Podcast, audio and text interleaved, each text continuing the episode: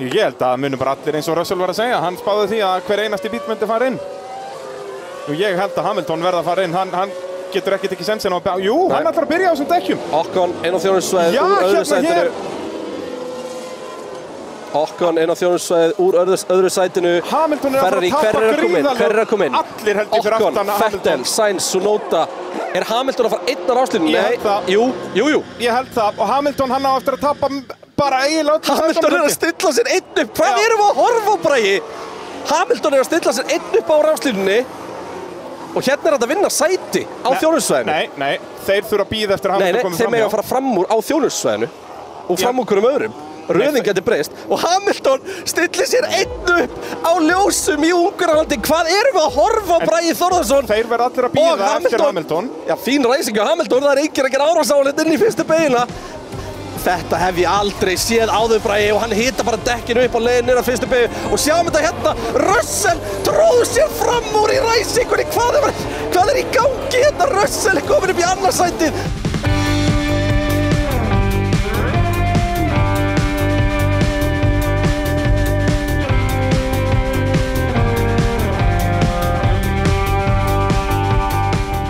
Jú, Pitturinn hilsar eftir ansi, ansi, já, þú veist, hvað, sko, viðburðaríkur er eiginlega of lítið orð fyrir það sem við vorum að horfa á síðasta sundag. Nú ætla ég bara að fara beint í það. Páll Andrés Alfredsson spyr, skemmtilegt að keppnin hinga til.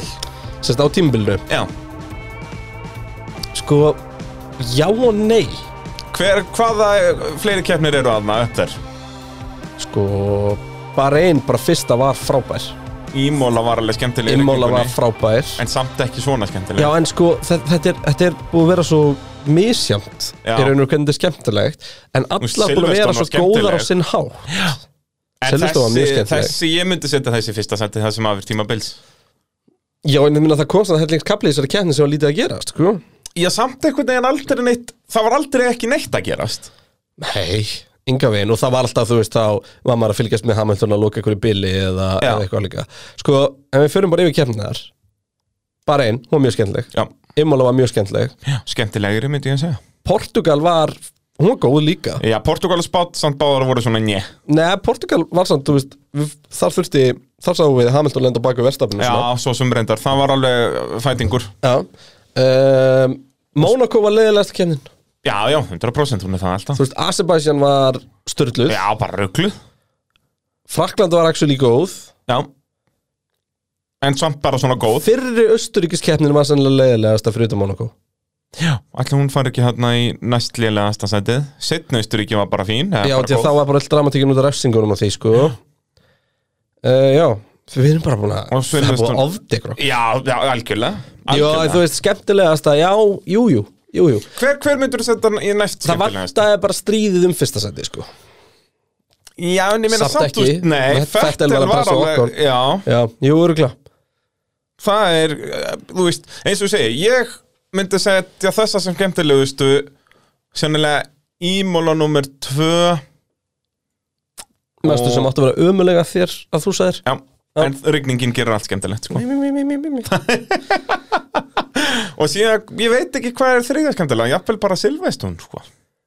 Já, ég vil samt alveg bara flagga fyrstu keppnina Já. Hún var geggjuð, sko Það er rétt, sko, það er rétt. Hún Þetta er var bara, snill. það er bara búið að degra okkur Ég veit það. Þegar maður er erfileikum með að svara svona þá veist að tímabilið Já. er búið að vera gott og það er bara hálnað, dömur og herrar. Uh, við að sjálfsögðu í Nóin Sirius stúdíói podcastaðarinnar í bóði verkvarasölunar Viaplay og Ólís. Eintóm hamingja í pitnum uh, já, og pittunum bara hefur aldrei verið vinsalli. Herðu, bara velkomin að öll þið sem að voru að, mæta inn á, inn á pitin Ég vil hérna líka minna á eitt. Ég er búin að fá svo rosalega, það, það er no joke. Bara inboxið mitt er búið að spammast á samfélagsmiðlun núna síðustu Það er svolítið, ertu svona frægur? Nei, þá myndi fólk ekki þóra að hafa samband. En hérna, allavega það er búið að vera að spammast af alls konar formúlu tengdum spurningum. Já, og ég minna fólk á að í vetur gerðu við þátt sem var Formule 1 fyrir byrjendur. Þannig ef þið eigi vini eða, eða hérna, vinkonur eða fjölskyldumælumi eða eru bara sjálf alveg ný ef þið skrollið aðeins niður í pitstáttunum þá er þáttur sem heitir F1 fyrir byrjendur sem er bara frábæri uppbröfun fyrir fólk bara svona ok, hvernig virkar Formule 1 helgin? Já.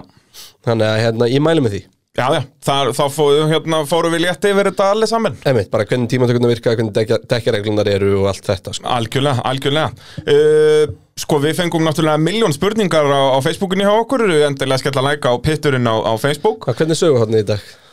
Heyrðu, það er bara Það verður ekkert söguhótt svona yfir hásumarið sko. Æ, Það er bara svoleiðis. Það er, Þetta er einu dagarnir sem Bralli er actually busy Það er Íslands motorsport og ég veit ekki hvað og hvað er í gangi. Ég get svo- verið að dandalast í þessi í vetur. Svo veit ég að þú varst að fá þér Playstation. Er það ástæðan fyrir að það er ekkert Það er, sögu það er 100% svoleiðis. Ég er að þykjast verið eitthvað "Ah, er beina útsendingar í torfáru eitthvað. Ég var að kaupa Playstation bara á föstudaginn síðasta. Ég að var það eitthvað að segja bralla hvað F1 2021 væri svalur í PlayStation 5 Jep. Og hvað gerir bara P100? Ég átti náttúrulega sko bara Playstation 3 Þannig að ég hef ekki keift nýja Ég, ég þetta er fyrsta skipti sem ég hef farið í búð svona eins og Haas. keift nýja, já. Ég, Það er aldrei neinar uppfættur á brallanum sko. Ég er hef bara aldrei- alveg ný þegar það kemur. Já, þú veist meira að segja sko bara við keiftum Playstation 1 þegar að sko Playstation 2 var nýkomin og svoleiðis, þú veist, ég hef aldrei farið búið að keift, keift nýjustu konsólið sko, ég er svoleiðis að degra við brallan Hú, Það var aftur að leika skilið Já, þau er svo sannarlega. Líka eina vandamáli núna er að ég komst að því að þyrfti eiginlega að kaupa með betra sjónvarp. Já. Ég er með pingulítið bara svona gamalt sjónvarp sko, það er Ég spila mest á sko tölvuskjá. Já, bara það er nefnilega, 240 hertz já, tölvuskjá. Stærðin nefnilega skiptir ekki máli en, en gæðin í, í fer eftir í televisjónu hjá hvernig þú mér er Húhú. En þetta er, þetta er svakalegt dæmi sko, Svakalegt dæmi, ég kannski Við gerum bara smá hotn úr þessu Bara F1 2021 hotnið Já, ég Hvað me- bara allir ná að gera og eitthvað. Já, ég var í til í að bara fá líka röndal á sísoninu Já, svoleiðis, ég kom alltaf með, heyrðu það Ég er búin með þrjár keppnir og búin En ég ætla að fá að velja Ef, ef, þú, ef þú velur aukumann sem ætlar að spila Já. þá verður að vera svona. Ó, er, er það sérst í karriérmótinu, já? Nei, þá ertu held ég bara þú sjálfur. Þá Ég er er, ég ég er ekki búin að ná að henda mér alveg liðið þetta sko. Ég var búin að sko, loða ég- einhverju streymi og eitthvað. Ég er búin að skoða þetta skilur, ég er alveg búin að opna hann og búin að prófa time trial og eitthvað svona. En ég er að pæli að byrja á að breaking point Sem er svona, Sögunni, já, hérna. sem er sagan sko. Út af því að það er, það er alveg nýtt en það er ekki 2021 Jú, Þetta það er svona alltaf verið EA að kaupa þetta og er að tróða sér eins og ég gerði með Journey í FIFA Já, í FIFA og þetta er alltaf vinsalt í NBA líka eitthvað, já. Þannig að ég er, er að pæli að byrja á því. Ég held að það sé líka svona fínt sem byrjandur, ég er náttúrulega kann ekkert á þetta. Ég er ekki með stýri og ég er með allt niður um mig. Nei, og kann líka bara ekki að kera kappaspil. Ég er svo fyrir utan það náttúrulega, með allt niður um mig. Herðu, við henda okkur í þetta? Byrju, Það var bara fullt af spurningum fyrst hérna, Já, bara svona áður en almennar að- spurningar, sko. Axel Svensson spyr uh, reverse grid á næsta ári, er þetta ekki gott Við formerki? erum alltaf búin að prófa. Já, það eini skellurinn er að hafa ekki verðstappen með í þessu, sko. Ímyndaður veistlun ef verðstappen hafi verið með heilan bíl. Það Og þeir hafi verið báðir að geðveikt. berjast í gegnum allan pakkan. Já, ég hef alltaf búin að byggja um það að þeir Já. tveir, þú veist sprintkeppni er fullkomin tækifæri til þess að þeir keira okkur annan í fyrstu begu og ræsi aftastu daginn eftir. Við bara vonast eftir því á Monsa að Brasilíu Já, vá, í Monsa væri það geðvikt. Það hefði verið störtlar reyndar. Það er ekkert mála frá framrúm Monsa Nefna að þú heitir Valtteri Bottas. Nema þú heitir Valtteri Bottas Elsku Bottas. Elsku Bottas, greiði kallinn. Uh, Hann á ekki að hlusta á þennan pitt held ég. Nei, Nei, það, var ekki er- gott fyrir sálunars Ég held uh, svo sannarlega ekki og bara ekki hlusta hann að fjölmiðla bara næstu vikurnar sko. næst inn, inn í keppni var ekki to, to whom it may concern það væri bara to the fucking pit. Yes, fuck you. Uh, Andri Viðar Sveinsson spyr uh, hann er með tæknispurningu. Maður sér oft í tímatökum að menn á útring gera að dóla sér allan ringin uh, en gefa síðan ekki að anmæli líf fyrir uh, já, já, fyrir Flying Lap fyrir en eru hálnaðir með síðustu beiguna maður hafði haldið að þeir þurft að taka síðustu tværti þeirra beigurnar á fullri siglingu til að koma á sem mestum hraða inn á beinakablan er upptaki í bílunum svona rosalegt eða skiptir ekki, má- eða, skiptir ekki máli eða er ég eitthvað að miskilja sko, sturla upptækið í þessum bílum og jú, það skiptir máli en Algjörlega. það er ekki endilega sama línan sem er fljótust að fara hringin og er fljótust að koma út á hratt út á beinakablan og við sáum það einmitt á hérna á Hungaroring að þá voru menn að fara á svona vaffabeiguna svolítið í staðin fyrir að svona byrja taka ekki það sem að U. utarlega í Já. rauninni og síðan kvötta inn og þá náttúrulega byrjar ekki að gefa í fyrir ný hálfri beigunni Já, annars en þá myndirðu kannski komast ertu, hægt út. þá ertu búin að snúa bílnum við þannig að þú getur byrjað kannski gefa í 5 metrum fyrr og færð að auki 5 metra rönn Já, út að þú ert ekki Já. innst í beigunni þannig að nei, nei, þetta er alveg eðlilegt. Og maður sér þetta á fleiri brutum menn bara reyn er alltaf svona þá taka það síðustu beiguna gett bjánalega sem er þá bara 90 gráða beigja skiluru Já. og, og á fleiri stöðum já, þá er þetta alltaf bara þú veist, þú þarft aldrei að vera að taka síðustu tvær til þrjár beigurnar hratt. Í, í, sum, í sum tilfellum þegar að aðstæður eru þannig að þá tekur alveg alla síðustu beigurnar hratt. En, en uh, já, þetta er basically ástæðan að vilja, það er ekki endilega hraðast að fara út úr begin í en hitt. Uh, Andri Snær spyr, uh, getið þið báða nefnt topp þrjá bestu ökumannspakkana í réttir röð? Ég held að þetta maður það til í lokin Þessi spurninga ertu búin að að það? mun eftir því að Það er að gera copy-paste. Það er svo leiðis Pall Andrés spil svo skemmtilegasta keppninga til. Við náttúrulega svörum því hérna á hann Já, og ég ætla að segja svara því játandi aftur Já, ég held að það sé bara nokkuð gott sjátt. Þannig að um, Já, ég meina þessi keppni var ekki sannlega frábær sko. Já, það er bara, það er svo mikið. Bara það til dæmis að Russell klári í stegum Í venjulegri keppni væri það svakalegt. Núna bara líkum við gleyma þér því. Já. Það var svo mikið í gangi. Sko. Sko þetta er enn og aftur svona keppni sem við liggum við þurfum að fara yfir sko keppnina og svo yfir liðin. En ef við reyna að gera það með liðunum Já, já, en þetta fer allt í eitt gröt hjá okkur eins og venjulega sko. Þannig að, og við erum líka með svo mikið spurningum sem munum leið okkur Er aftur eitthvað fleiri spurningum ára ég má byrja á Mercedes eða? Já, sko, Einar spyr hérna uh, hvort setið þið mjólkina fyrst og svo morgunkotnið eða morgunkotnið fyrst og svo mjólkina Þetta er náttúrulega mikilvægt Heldur hann að við spurningin sem við séum einhverju algjöri sérfræðingar eða? Nei, við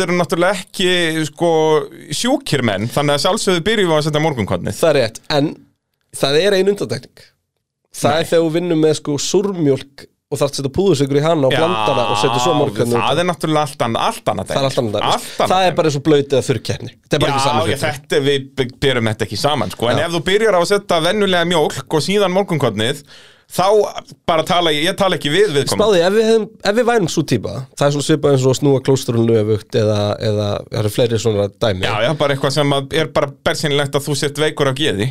Við myndum missa svona 90% af hlustendahopni Já, ég myndi, ef þú væri svona, þá myndi ég lappa hérna út sko. Ég, ég, ekki af ágjörð þessu Nei, nei, ekki, og ég myndi líka alveg Þó að ég myndi ekki vita það Að ef að þetta væri raunin hjá þér Þá væri ég búin að taka eftir því bara í farið þínu. 100%, 100%. Ég gæti ekki gútterað þig bara, Nei. Þó að ég myndi ekkit vita að þetta nákvæmlega væri vandamálið Já. En ég myndi alveg vita, ok, það er eitthvað að. Æ, meina, þú getur gúttir að sko vondur lyktina, Já, þú getur gúttir já, að bara almenn leiðindi, Almenn leiðindi bara allt sem að svona, fylgir Og mér. verður ofbeldisfullur þegar við lýsum og svoleiðis. Ég, Mér er alveg saman um það. En Bræði, við, við, við, við tókum þetta mál. Nú set ég appelsínur í kottaver Ó, e, nú verðum við náttúrulega að byrja að tala um Mercedes Því að þeir eru kominir í fyrsta sæti í keppni bílasmiða. Spáðu í því. Spáðu í því, Mercedes núna Hvað, hvað fengum við mörg stig á Silveston? 30 og Hvar var. Bottas? Bóts ekki fjórði? Man það ekki, sko. Þetta fer allt í eitt gröð hjá mér. Ég var ekki með þér á Silveston Það er rétt. Það var svo mikið að gera Silveston Ég þurfti bara svolítið að fókusa á það sko. Hvað, þetta var Hamilton Leclerc, var ekki Bottas bara þriði eða? Jú, Norris var fjórði. Alveg rétt, Norris hafði ekki endað að falla þarna, já, Já. alveg rétt. En þeir klikkuði pitstopinu hjá honum. Já. Nákvæmlega, þannig að þeir fá þarna þá alveg 15 pluss 25 Já, Það fá eru 40, 40 stig. STK Akkur finnst mér svo að ég fengi 35 stig? Kanski, en þá hafði hann þurft að vera 50 Það eru 10 stig fyrir 15 Er stig ég með dópið hérna? Er ég í rugglinu? Já, sennilega. En uh, Það náttúrulega er rétt þér, Bottas, þeir fengu 40 stig já, þar Meðan Red Bull fekk 0 Já, Peres tók hraðast að hringin af honum að það ekki Jú, Þannig að þar fáið 40 stig og hérna fáið hvað, átján Já. út af því að Hamilton færist upp í annarsætið Mhm. og þannig eru búin að fá 58 gegn tveimur já, síðustu fyrir, tveimur já, keppnum. fyrir utan endar að sko náttúrulega í, í sprettkemni þá, þá fengum við fleiri stig Já. sleppum henni Nei, nei, Ef hún það er- eru stig sest, 58 gegn 5 í síðustu tveimur kemnum er staðan milli uh, Mercedes og Red Bull Já, þeir náttúrulega fengu bæði þrjú stig í Já, sprettkeppni. auðvitað. Þá er þetta 61 pluss uh, á mót gegn 5 Já, það er hell Það er bara, bara rugl, sko. Og samt eru Mercedes bara rétt á undan sko. Þeir eru með 300 og, hvað er þetta, 303 stig á meðan Red Bull eru með 291 Það eru bara 12 stig á millið þeirra sko. Áhugavert að það er ekki, jú, hérna góða. Já, emitt uh, og Max færi tvö stig.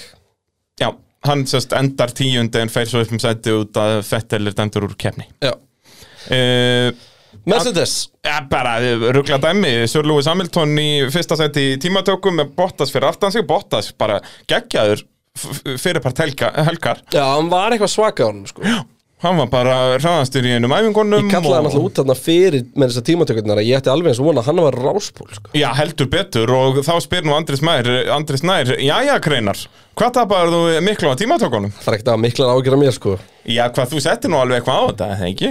Já, vá, ég vippaði mér inn og, og setti hvað 20 dólar eða eitthvað 20 dollars 20 dólar, það var nú ekki meira Það sko.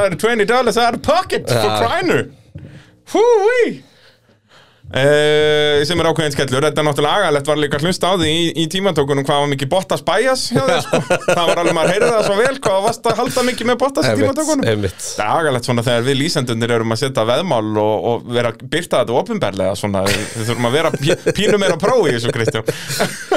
En hérna Sko, kannski áðunum fyrir minni í kjarnar þurfum við að tala um tímatökunar Því að það var verið að strax verið að ásaka Mercedes þar um þetta gamemanship Já, já, þarna var uh, Hamilton, uh, Tussan Hamilton okkar, lúmskur og uh, hægði bara vel á Red Bull bílunum.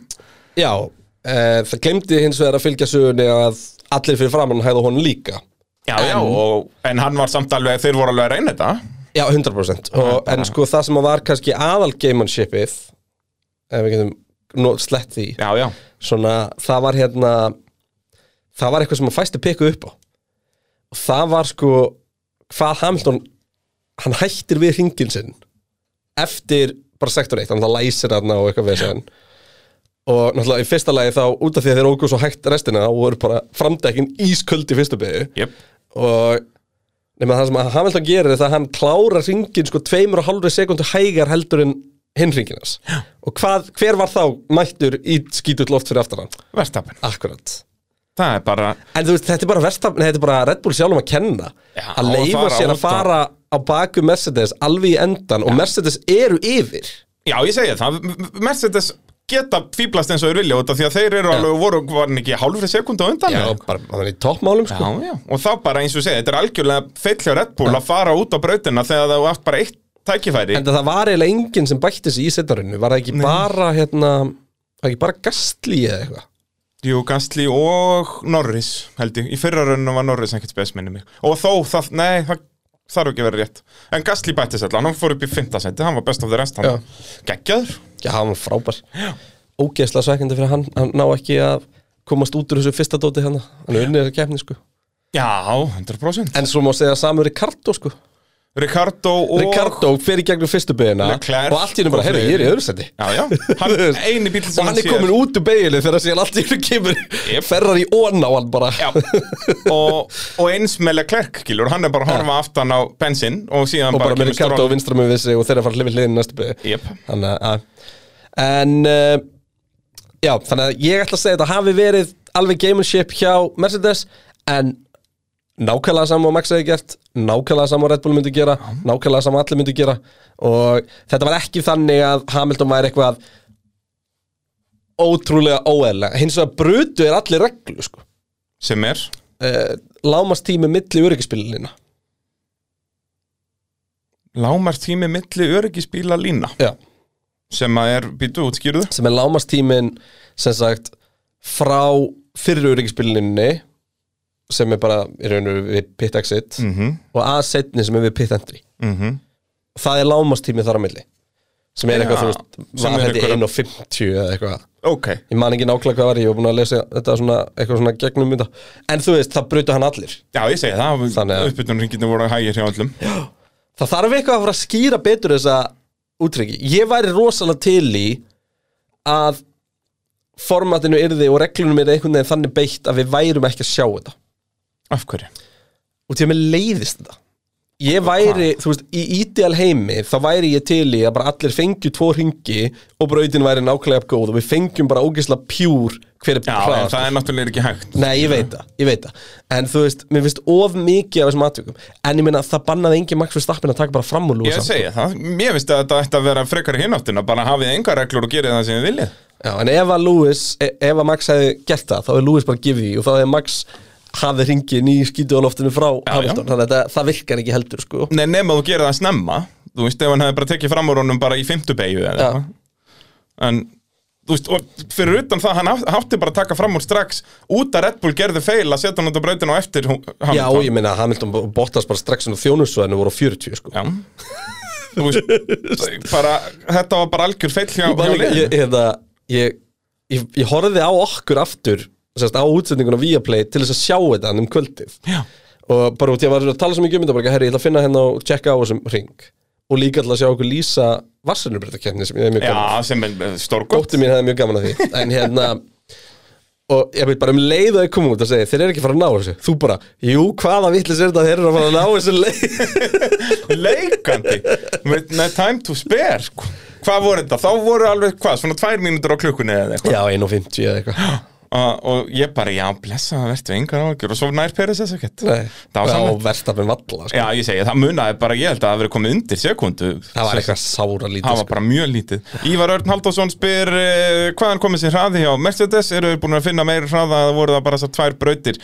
Kannski bara mikla sveiflur milli brauta? Sko, Mercedes bílinn er dífa Hefur Já, alltaf já. verið. Þannig bara hefur alltaf aldrei sést út í að meira þegar hann var vondur og var hann miklu betri. Já, þetta, En- maður byrjaði fyrst að sjá þetta svona 2017-18 Já. að þá skyndilega var hann bara gett liður á Singapúr Já, en hann líka bara dífa með setup sko. En svo alltaf einhvern veginn tókstu með þetta fyrir tímatökur um, Það er alveg ennþá vandamál Og alveg starra vandamál með 2021 bílinn. Þannig að það er eitthvað En þessar uppfæslu sem komu á Silveston Greinilega gera gagn. Já En sko núna er bara semst, spa held ég að muni ráða þessu Já. svakalega mikið. Já, við rættum þetta aðeins um helgina. Það eru alla brautir sem er eftir Soldið í takt við spa. Já, Svona tiltölulega lítið downforce. Spa og Monza eru náttúrulega Rosalega látt downforce. Já Monza er náttúrulega bara one-off dæmi. En um, Og sko það sem var áhugavert Þarna var að Red Bull bílinn var mun hægari heldur en Mercedesin í bendi línu. Já, sem að sko meira að segja bara Lewis Hamilton bent á því viðtalið tímatökurnar að, að hérna Verstafinn var komið með minni afturvæng heldur en að verið í æfingunum. Þannig að verið að breyta þessu hægri vinstri? Þetta er hvað þreyttu bara minn. Ég, nei, en þú? Nei, ég Nei, er bara alveg á tónum. Hvað, hva, hvað slags ára sér þetta á mig hérna? uh, Runólu spurði svo bara um leggja aðferðina hann að Mercedes tímatökun sem við vorum að útskýra áðan. Já, Nú, uh, Dimmi spyr uh, hvernig hefði ræsingin verið hefði Hamilton líka farið inn í pitt Þarna náttúrulega nú, nei, nei, nú ertu að hoppa yfir. Já, nú skulum við náttúrulega Nú bara þurfum við fyrst að ræða fyrstu byggi Já. og Bottas. Nú þarf að, hérna, skoðan Bottas okkar sem að ákvaða kveldskýta í degið Af hverju er Bottas svona ógæðslega lélur ef aðstæður eru ekki upp á tí Það er bara eitthvað, hann, honum bara líður Þú veist, hann var- hann var- finnur ekki grip Hann var aðrir. Í Tyrklandi Já, já. og er það, það sem Já, þú og gerir ímóla núna þegar hann var að berast Já. bara við Russell. Það sem þú gerir í svona ræsingu og nú er ég alveg svona að setjast upp í stólun til að fara að nota handarhefingarnar og sína og það sér það enginn. Já, mjög gott í podcasti. En hérna, það sem þú gerir og það sem eiginlega allir voru búinir að gera þú tekur ræsinguna, þú sér hvað það ert þú eignaðir svona ákveðin blett af malbyggi og svo klárar fyrstu beigð þannig. Þú veist, það eru 70 ringir eftir þessa keppni. Yep. Og þú veist ekkert hvað gripið er mikið og bara, já, já. Þú veist, Valtteri Bottas hefði ekki geta gert sko Red Bull aðdæðandu brjálari. Nei, því að ekki bara tekur hann út bæði Max Verstappen og Sergio Pérez heldur tekur hann líka út Lando Norris sem allir elska. Já. þú veist, Bottas var hataðasti maður heimsins í já, smástund og Leclerc, bara hann Já, tekur og- út nei, nei, nei, Stroll tekur út Leclerc, Leclerc, alveg sko. rétt, alveg rétt, sorry. En það er samt pínu út af Bottas sem að Stroll lendir á Leclerc út af Já. því að, nei, út af þessu öllu og út af því hvernig Stroll er, nei, hvernig, út af því að, sem sagt í raun og veru þá er hérna er held í Gastli nei, hver var það?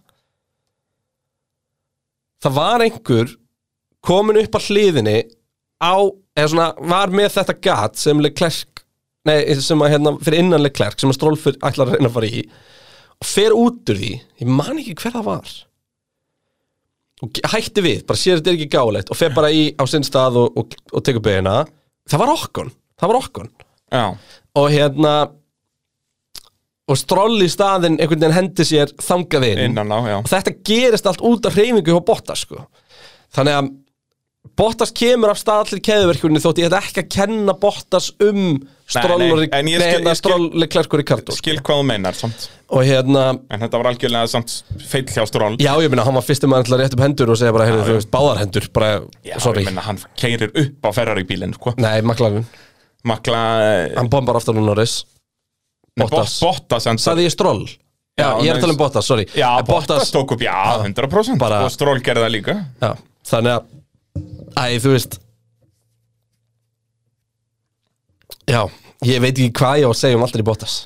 Þetta er bara, Óli Jón spyr hérna ætti ekki Bottas að fara að sofa út þegar það er rigning á keppnistegi, maður getur bara ekki kert þegar Jú, breyt það er eiginlega frábælega orðað. Það er bara nákvæmlega svo leiðis og við, bara, þetta er bara hans veikleiki og við, það vita það allir Valgir Eithórsson spyr uh, þar sem Bottas er í Mercedes er ekki óðeirlegt að segja að hann sé með hæfileika ríkari aukumönnum á braut? En er hann versti vettveður aukumöður sem hefur haft svona góðan bíl undir sér? Ég fór að þess að pæla í þessu. Ma Massa á Silveston er ógleymanlegt. Hann var eins og Bottas í Tyrklandi. Já, en það er samt bara massa á silvust í, í rigningunni í Brasilíu var hann góður, Ja. sko. Veist, það, er, það var bara svona one-off En jú, jú, massa overall var samt ekkert góður rigningu maður. Já.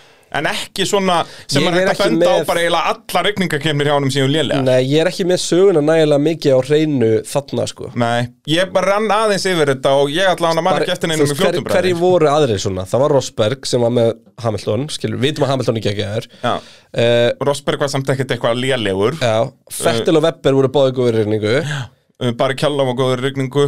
Kultart var ágændur í rigningu.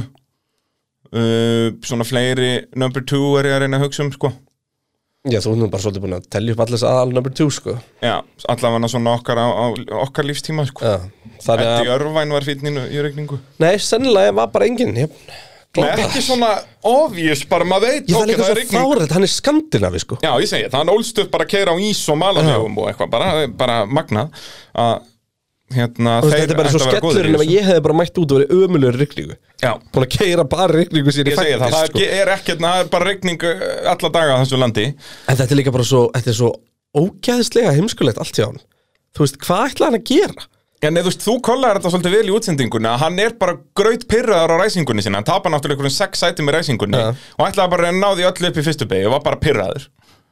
Já, en þú veist Hann er beint á bak við Norris, hvað ætlaði hann að gera? Ég nákvæmlega. Það Hann er ekki að fara að fara í gegnum hann, sko Eða, jú, hann gerði það Já, já, það gekk bara príðis vel Vest með að hann góstaði ekki svona Norris eins og í eh, F1 2021 sko.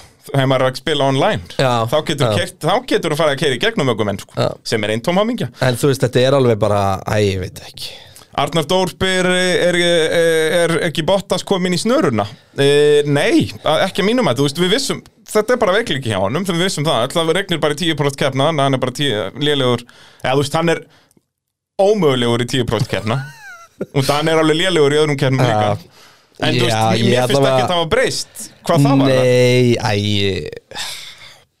Fle Æ, ég meina, hann, hvað Hann vann flest í fyrir Mercedes þessa helgina. Ég elska að Kristján Horner talaði um þetta skilur og að, að sjálfsögðu strax eftir kemur hann, nei ég er alls ekki að benda til að þetta hafi verið eitthvað að Tóta Wolf hafi sagt honum að gera þetta. Já, já, en ég hann var en samt að er- tjóka með þetta. Þetta kemur samt onni Þú veist, þegar að það er svona Búið að vera að gefa í skín að Hamilton hafi gert það viljandi á Silveston, sko. Já, guð minn almatur uh, Hjálmar Jón spyr uh, er ekki Russell leiði Mercedes 2022 og Bottas lítur út fyrir að alveg búin eftir öll þessi rúkimistök sem hann er að gera í keppnum. Þetta er náttúrulega, þetta er ekki til að hjálpa Bottas svona, en eins og ég ég er ég var einmitt að spá í svo leiðningað Bara í bílnum á leiðningað Það var einmitt að spá, sko Hvað er Bottas Þú veist Hvað þýðir næsta veist? Jú, er ekki glórulaust að taka ekki Russell núna? Ég held það En þú veist, þetta fer svolítið mikið eftir veist, Það vitað allir að Hamilton vill ekki fara Rössalanna Er það sant? Er það Kannski ekki bara það eitthvað að við erum bara búin að vera að búa til? Eða? Nei, en það var raunin, skilur Þeir töluðu ekki saman hann í einhverja mánuði, sko Já, ok og, og það var alveg En vita var, en það, er, var það ekki líka bara eitthvað mítið að dæmi? Nei, nei, nei það, Sögðu þeir það? Nei, þú veist, auðvitað sagði Hamilton það ekki beinta Hann segi, ó, ég tala ekki við Russell En, en, en þetta er búið núna Þeir eru alveg orðnir vinnir aftur, skiluru Ok. okay. Vinnir aftur, já, eins sko- mikið vinnir og hægt er að vera Ég allavega Það eina sem ég dettur í hug Fyrir utan þetta í raun og veru Er bara Þú veist, liðin eru með ákveðna þekkingu sem við erum, munum aldrei fá og það er bara til dæmis hvernig bíl fílar Bottas Mhm.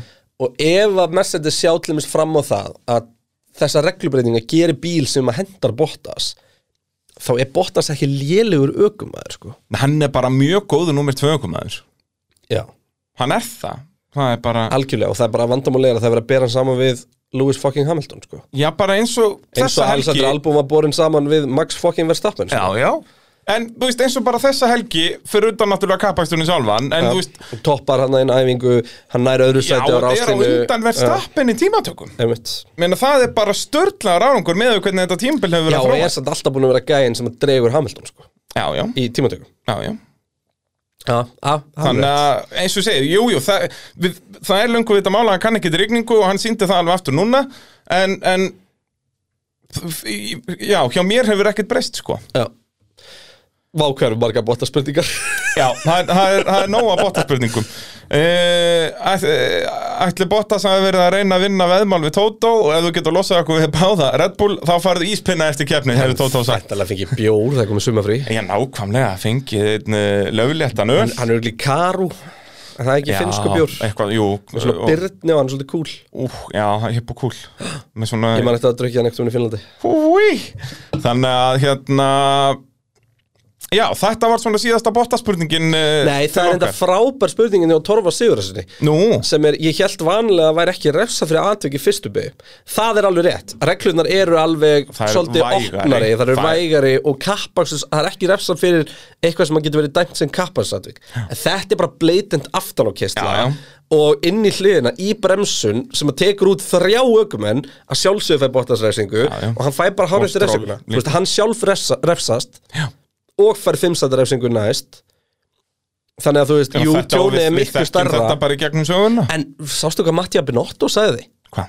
Hann vill að það fara að skoða þegar að aukumenn eru 100% í órétti að í raun og veru hérna, taki liði sem að á sökina þátt í kostnærum með kostkapinu. Því Það að var reyndar alveg sniðið Það er alveg áhugavert, sko. Núna í fyrsta skipti söguformule 1 verður kostkappa næsta ári. Hann það snýst ekki um að ó, við eigum þá ekki pening, heldur bara þú veist, akkurat núna eru Red Bull búin að lenda í tjónu upp á kannski 2,5 miljón punta sko. Já, og hvað er, hvað er ekki 100 miljónir, er 110 miljónir það er hellingur Já, þú veist, en 2,5 miljón er alveg lúmst mikið af 110 miljóna krona, mm -hmm. miljóna punta eða dollara budgeti. Vá hvað ég man ekki töluna. Nei. minnur þessi 110 miljón eitthvað. Það er svo sem evrur. ekkert öllu máli En þetta er reyndar alveg mjög gott sjátt Á næsta ára hafa þetta þannig ef ökum eru 100% órétti eins og þannig bara aftan á kistla það er 100% óréttur Mhm. að þá bara og þa- þá er þið bara sett upp einhver verðlisti bara Já. partar kosta cirka þetta og bara allir eru sammála því þó að sumlið eru ábygglega eða miklu meira en sum minna skilur þá Einmitt. er þetta bara eitthvað regulated bara En ef þá þú allavega skemmir þetta og minkar þetta og þetta. aðeins skellin, sko. Já, að þá væri það bara já, ökumöður borgar þetta þess að liðið borgar hinnu liðinu þessa En spáðu líka allt inn í hvað þetta kostkapstæmi, þú veist, og því að kostkap er náttúrulega komið núna, Já, spáðu því hvað bara Görus og Júkis og Nóta er búin að kosta liðið. já, Og ég meina, mér fannst þess að þegar Mick Schumacher var að byggast afsökunar á að krassa því FP3 eins og hann var í pínum byggast afsökunar því að liðið ætti bara ekki pening til að laga bíluna, sko. Jep, út af það er alveg vita að hafa sá enga peninga. Og þú veist þó að auðvitað gerir maður áfyrir því að þið klessu bíluna sína þeir eru að keppi Formule 1 en samt. En mér fannst það ógeðslega astnalegt þetta með Kristján Horner að reka kappaslið og að vera að tala um eins og þú veist Jú, ég ætla, ég ætla alveg að gefa það að krafskostnaður er óvæntur kostnaður en annars hvernig hafið þú lítur nú ekki ráð fyrir því Já, algjörlega bara eins og bílunum með einhverju álíka sko. Já, ég, þú gerir alltaf áfyrir að að bílarnir rústist báðir í einhverjum keppnum Já. Það er alveg, en þú veist, þetta er náttúrulega búið að vera mikill skellur fyrir Red Bull núna tvær keppnir röð með gríðanlegt tjón þannig að, að það er alveg skiljanlegt en, en já, já, þetta er kannski líka pínu skrítið Já. Uh, eigum við þá að tala um uh, já, enduræsinguna að það viljum við ræða ræsinguna betur eða? Við höfum náttúrulega eftir að ræða uh, tala um hinn liðin svo Já, við tökum það þar, tökum það þar. Fyrir þessuguna hvað væri að frétta, við heyrðum þetta henni í byrjun þáttar að þetta er náttúrulega bara skringilegasta ræsing síðan bara í bandaríkjunum 2005 Er þetta ekki skringi lægra? Nei, Jú, kannski jú. ekki eða veist, þetta er náttúrulega En enduræsing og veist- það, þeir eru allir ennþá í keppninni Úr þessari keppni eru tveir hlutir sem ég hugsa að regluverk fíja þurfi bara að leggjast yfir ok, Það bjargaði keppni að Lewis Hamilton stilt sér einn, bjargaði endurreiskunum Lewis Hamilton stilt sér einn bara áslinu Mhm. því að það er ekkert í fordæmi fyrir því að allir farin á þjónusvæði Hvað hefði þú gerst? Hefðu stilt sér upp við endan á, á hérna, ljósin kvikna úti beðið í 5 sekundur eða 10 sekundur að allir bílar eru konið framhjá og svo grænt ljós á pittin e, já, en þess að reistarrektorinn myndi bara sjá um að gefa græntljósum pittin, þú veist, jú vennulega ljósin myndi fara af stað með enga bíla, það var nú einhver sem spurði af þessu hérna. að hérna. Já, já, er segja, hvernig, þú veist, hvernig hefði ræsingin verið, það hefði Hamilton líka farið inn í pitt, spyr hann Þetta er, for, dimmi þetta er okkar? fordæmalöst Ég held samt alltaf sko að ef Hamilton hefði farið inn í pit þá hefði einhver tekið sénsinn sko. Já, 100% veist. Ég hugsa alveg að okkon að þeir hafa rækt það fyrir uppbytunarsyngin að þú veist, gerðu bara öfugt við Hamilton. Já, það er nefnilega, ég ætla aðeins að útskýra hvernig það gerist. Og það er nefnilega ein regla hérna sem að uh, ég var bara nánast búin að gleyma. Radio Silence Já, radiosælinsið að þetta sem sagt liðin meiga ekki gefa aukumunum skipun á uppbytunaring aukumun með að tala við liðið. Þeir liðið með að segja, heyrðu, ég er að koma inn Já, og meira segja Latifi það eru tveir eh, þrýr aukumenn sem verðast að býða eftir skipun. Hamilton, Latifi og uh, hver á þeirri, allavega en eins og Latifi hann fær bara tilbaka, ég get ekki hjálpaði með þetta. Mhm. Þú þekkir regluna. Já. og þá sé Latifi, að já, auðvitað, ég þarf að taka ákvörðuna ég kem inn. Hann bara segir það. Já, já, menn að Hamilton, hann er að kera hringin og hann fyrir bara inn í fyrstu byggu bara turn 1 is dry, turn 2 is dry turn 3 is dry turn 4 is dry, turn 5 is dry. Og bara segir þetta allar og er alltaf að býða eftir einhverju frá liðinu. Já, þeir kalla hann eitthvað inn Já. bara, ok, hvað það inn. Eins og hann hefur bara ekki kveikt á þessu en veist, En þetta síðan- er þetta van- er 100% Hamilton Já, en þarna kemur nefnilega annað vandmál inn sko. Þarna er reglun ekki svarkvít því að radio silence á, á sagt, formation lap er ekki það sama og radio silence á útring á baku öryggisbíl Já, já, svo er það, það sagt, hvort þær hefðu mátt á þarna en kannski er það ekki nú skýrt í Já, reglunum. Carlos Sainz var tekinn á þjónusvæð Nei, var tekinn í, í, í var tekinn fyrir þetta, sko. Það var ákveðið að refsa ekki. Nei, hann fekk ekki refsingu. En hann sem sagt fær þá eitthvað aðstóð þarna frá liðinu En fær ekki refsingu fyrir Já. það Út af því eins og segir að þá hefði liðið geta sagt Nei, þetta var bara hringur fyrir þetta nörgspíl Þetta er ekki, Já. þetta er ekki Og það er þannig sem þetta er að, að þannig eru, þú veist, og það reglum að vera potið skýrðar. Á, 100% Þarna, sko. En pælti En- því, Formule 1 Við erum með sko þúsundur blasíðuna af reglum Og það er samt sumt sem er ekki alveg svart og hvitt Já, ég meina, það er fullt af, veist, og þetta eru verið svona bara þegar að landið byggðist og lög voru skrifuð Já, og já. það þurfti bara að koma að fordæmi. Ég segi það, þurfti eitthvað til gera eitthvað. Og það er ennþá bara nýja hlutir að í Ég Formule meina, 1 þú sem veist, geggjað. já, og þú veist, og það er ennþá umulega atvik bara bókstaflega bara glæpir að verða sem að bara eru löglegir ennþá. Já, já, bara hann var bara eitt dæmi hann í bandarækjum daginn þegar lögreglum skauti einhvern veginn í gerstluvaraldi bara, hæ? löðrandi lettur bara. Þú veist, Þeir eru náttúrulega fittur og flottir hann í bandaríkjón Jésús Hérna, en uh, Hamilton Þú veist, algjörlega mistu kjónum og náttúrulega líka alveg hægt að skrifa eitthvað á lið Þú veist, þeir áttu náttúrulega allir að vera búinir að ákveða þetta bara áður en þau lögast á Þetta brautin var alveg orðin þurr áður en hann fer út úr pitnum. Já, þetta er satt að gerast alveg sturla rætt Já, en þú veist, brautin var skráa þurr sko. Skráa, Já, ég meina hún var bara svo mjölkukekk sko. Já, já. Þú veist, það bara, þú, þú, ef þú reynir að klára það án þess að fá þér sopa, þá bara, bara þá fer bara í yfirlið, sko. Það bara- Þannig að, já, fárálega mistu hjá Hamilton og fara ekki að inn bara, og 100% Já, Tóto segir það. ekki mistök, það hefur verið ákveðið. Já, þeir ákveðu fyrirfram að, já, og sáu þá í raun og veru fyrir sér algjörlega öfugt scenario. Hann væri svo eini sem fari inn og þetta vinna svo upp í gæðum hópin en ég meina, það er samt fáralegt að reyna að segja því að hinn hefði alltaf þurft að fara inn. Og þá hefði Hamilton verið lungu búin að hann er búin að taka fram úr þreim fjórum sko. Já. þú veist, hann hefur örgulega farið fram úr þreim fjórum á fyrsta ring Já, þetta er allt annað að fara fram úr þegar allir hinn eru á eh, intermediate-dekkjum Bara, en náttúrulega ótrúlega áhugaverð ræsing þar sem að George Russell kemur svo allt í rauðan að fyrstu og það er svolítið áhugaverð Ég- á á ég að taka það núna? Já, já. Ok, George Russell sérst, þú kallaði hann vel í, keppni að náttúrulega pitboxið þeirra er við endan Já.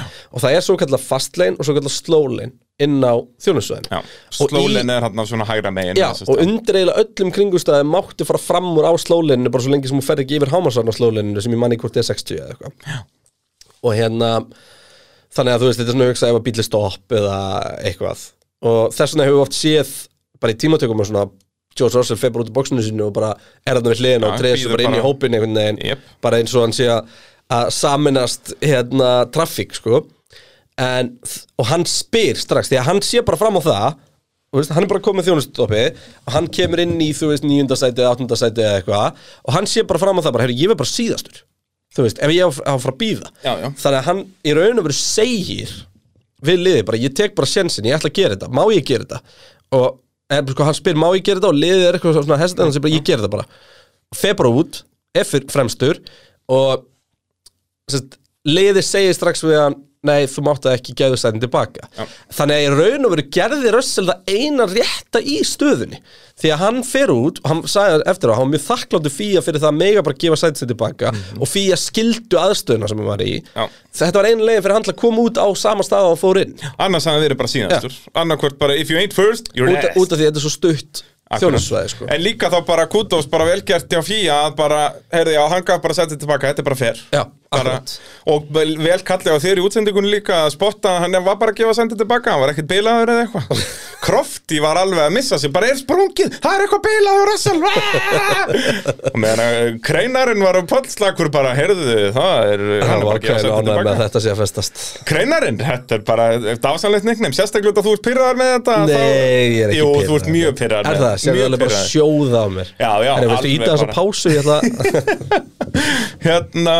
ég Hvert erum við komnið? Já, við erum að ræða ræsinguna og þá náttúrulega Þetta var bara svo Endurræsinguna. Já, þetta var bara svo ótrúlegt. Þú veist bara, þetta er bara- Þú veist, enda, ég, ég held ég að bara sagt að lýsa bara Hvað erum við að horfa á? Já, það var nákvæmlega svolítið Út af við höfum aldrei séð þetta Og þetta er líka bara, veist- Já, og þessi mynd Og alltaf geðveikt þarna þegar var það We Race as One hérna, Og Hamilton er svo sannarlega já, já. Og hérna, og búið að setja hérna Og þú veist, þetta er bara Þetta er að besta sem kann komið fyrir mým vélina sko. Jeps Þú veist, oh my god sko. Og bara, og bara strax, veist, Mercedes tölu um þetta bara, þú veist, þegar þú ert að fara í hérna race í F1 2021, það disconnect allir. Já, þegar, þegar allir vera offline í lobbyin og þú ræsir einn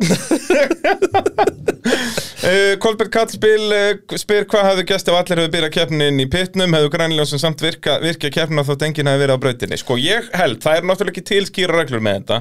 Ég held að ljósan á brautinni hafðu sest, gert sitt þing Já. en enginn hort á þau. Og það er bara verið öryggisbílar Já, ég held síðan að bara race directorinn hafi bara verið með takka og sett grænt inn í pitt og þá meður farast Já, Þú veist, basically, þetta er alveg eins og þetta er í, í Já, skilur nema það bara- fór ekki bíl að stað. Já, það fer engin bíl framhjá þér, basically. Þetta er alveg rétt hjá bara, þú veist, brautin var skrjáfaður. Já. Það er líka svo magnað um leið og að var sérst, komið sólskinn var bara 60 gráða brautarheiti og bara þó Það var líka alveg smá vindur, það hjálpar sko.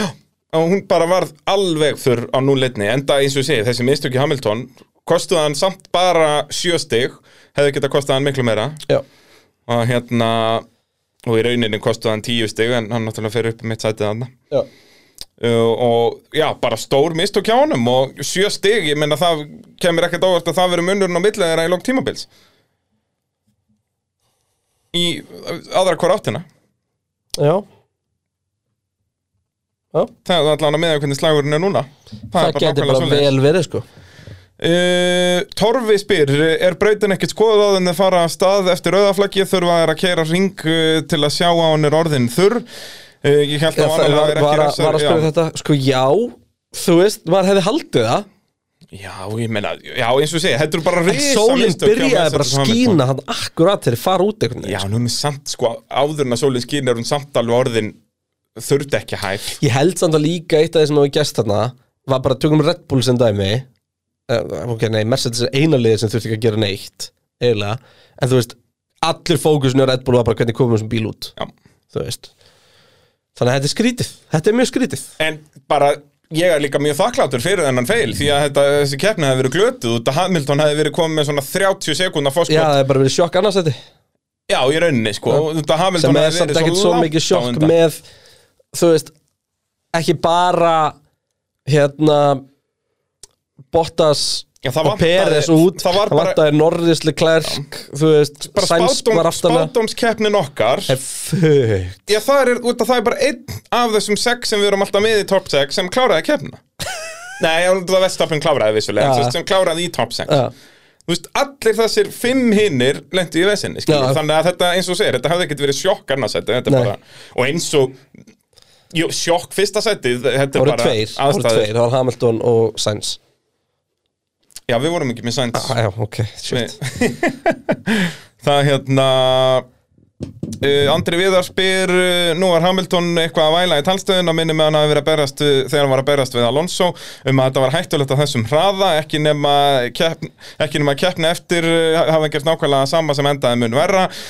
Hann er góður aukumæður hversu pyrrandi er hann í eitthvað augum á skalanum 0 til Hamilton? Hann er al algjör Hamilton á skalanum 0 til Hamilton. Og þú veist, þetta kommenti á hann alveg glórulöst, þú veist, er maðurinn bara áttar hann ekkert á hlutunum sem er, er í kringum hann eða? Veist, hann, Hann- veit er alveg að þetta er hann. Já, þú veist, Hann er alltaf að fara að segja þetta.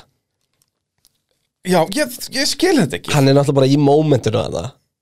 Já, en ég minn, hann hlýtur að geta átt að sá því hvað þetta er fáralegt kommenti ja, Þetta er fáralegt komment. Þú veist, alveg, ég skil alveg Við þetta að hann er að hvert undan dekkjum og hvert yfir inn og þessu, en að koma þarna at this speed it's just so dangerous. Við samt vildum, vildum koma á eitt Við vorum að ræða þetta um helgina með út af því að sko Við erum búin að komast að því að framleiðendur formúlunar eru ekki að hjálpa Hamilton. Nei, enga veginn. Bara öll, sem sagt komment sem Hamilton kemur í talstöðina eru sett í útsendingu. Já. Allir ökuminn eru alltaf að tala við engineerin sinn um að, heyrðu, dekkin er að klárast núna jari, jari, jara, þú veist, þetta er ósangja þarna en það er bara Hamilton sem er byrkt, sko. Þú veist, hann, er- hann er alveg þar alveg ítt undir Já, það er Tussuskapinn, sko. Já, það er ekki bara áhöröndur sem er að leggja nýjaneldi það eru direktorarnir líka, sko. Myndur ekki að segja það allavega.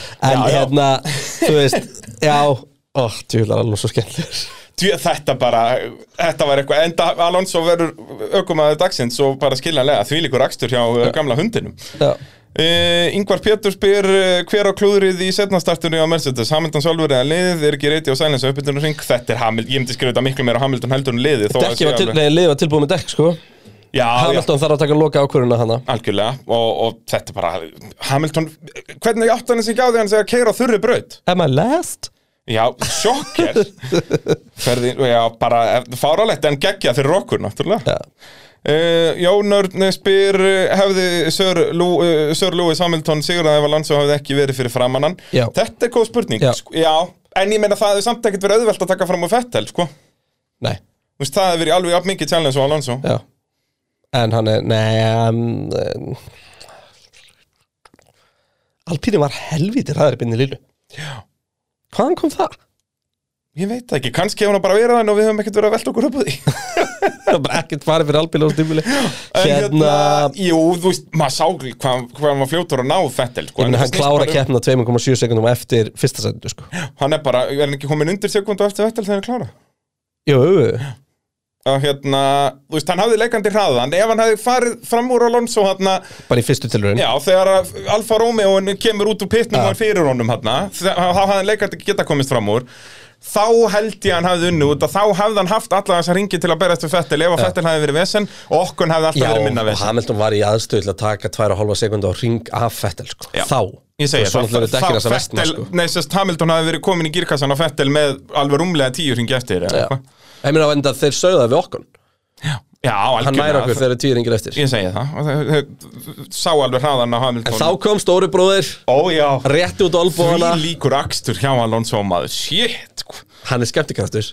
Já, og bara geggjaður ökumæður Ég hef bara líka svo gaman að eitthvað hann er Þú veist Hann tók eitthvað þroskaskrif hérna Já, hann er ekki jafn mikil tussa Hann var færtur í vikunni eða ekki? Já, það er svo leiðis Þegar hann Ég maður. held að það var fyrsta keppnar Það var jókið hann not, not hérna, bad for an old guy Já, Eitthvað. akkurat, já.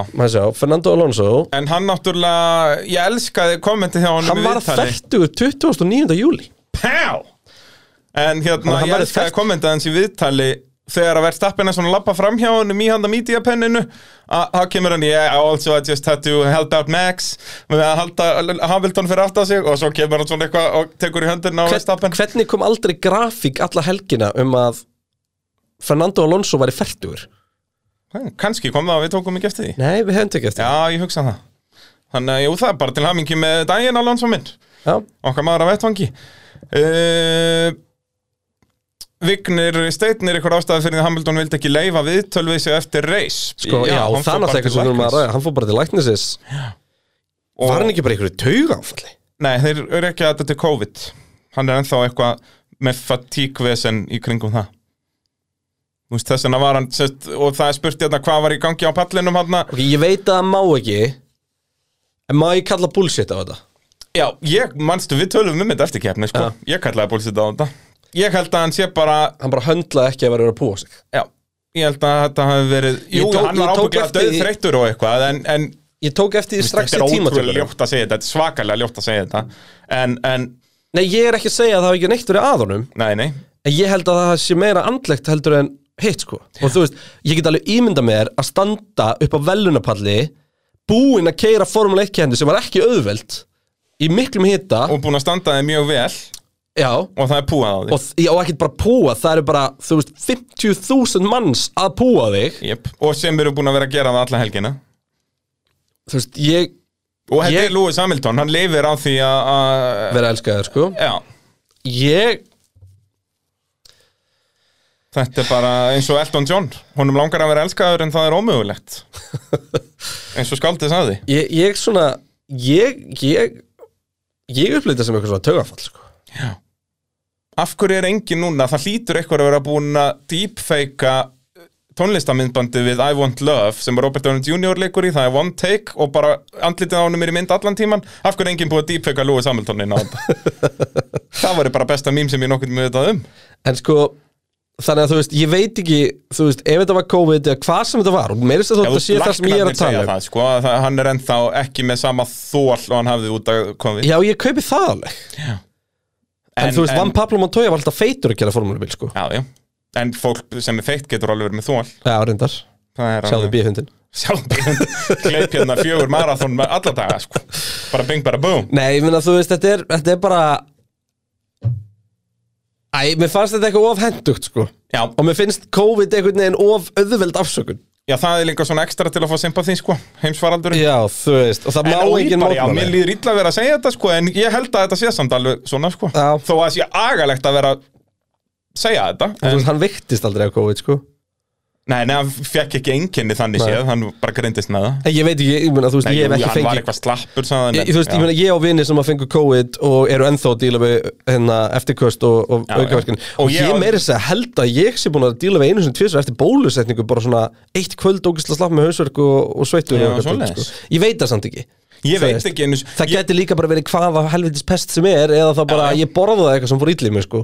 þú veist, maður bara veit það ekki Nei, nei Maður veit aldrei, þú veist, alltaf Ég hef búin að veikjast alveg eitthvað Og kannski, kannski er ég búin að fá COVID hver Því veit? ég er, ég er svona típan sem er aldrei veikur sko. Já, ég er típan sem er alltaf veikur Já, það Já, ég er bara, nema núna bara allt COVID-tímabilið er ég aldrei búin að vera, fá þessa klassísku pest út af því að það, þú veist, það var líka það, Nei, út af því ég er alltaf með grímu Það er 100% þannig Já, já. Ég fann líka fyrir þessu þegar ég var að vinna í maturuvestlun í mörg ár Þá var ég alltaf veikur. Þegar ég var í skóla var ég mikið veikur en ekki jafn mikið veikur. En síðan þegar ég bara vinna yfirleitt heima hjá mér Þá minkaði það helling. Sendum Lúi Samhildun að vinna á leikskóla í smástund til að styrkja Já, ánægurskeiðans ég held að það sé eina vitið. Eina vitið. Uh, Anna Kristín spyr uh, Hegðun fólk skakvart Hamilton Er þetta ekki komið út fyrir öll mörk? Uh, Ætti Bottas verða tekin jafn mikið fyrir og Hamilton núna fyrir að ásaka það að verða datt út? Sko, mér finnst Mér finnst hegðun gagvart- Sko, mér finnst ekkit Mér fannst ekkit að því að væri verið að púa hann Persónulega. Já, Mér finnst það svona minnst En náttúrulega þetta rasíska kjaftaði já það er Og náttúrulega svo það sem að sko Það sem ég hef pínu áhugur að bara fyrir Þá sem að eru svona rosalega mikið á móti Hamilton Þetta er svo uppfullt af einhverju biturð. Já.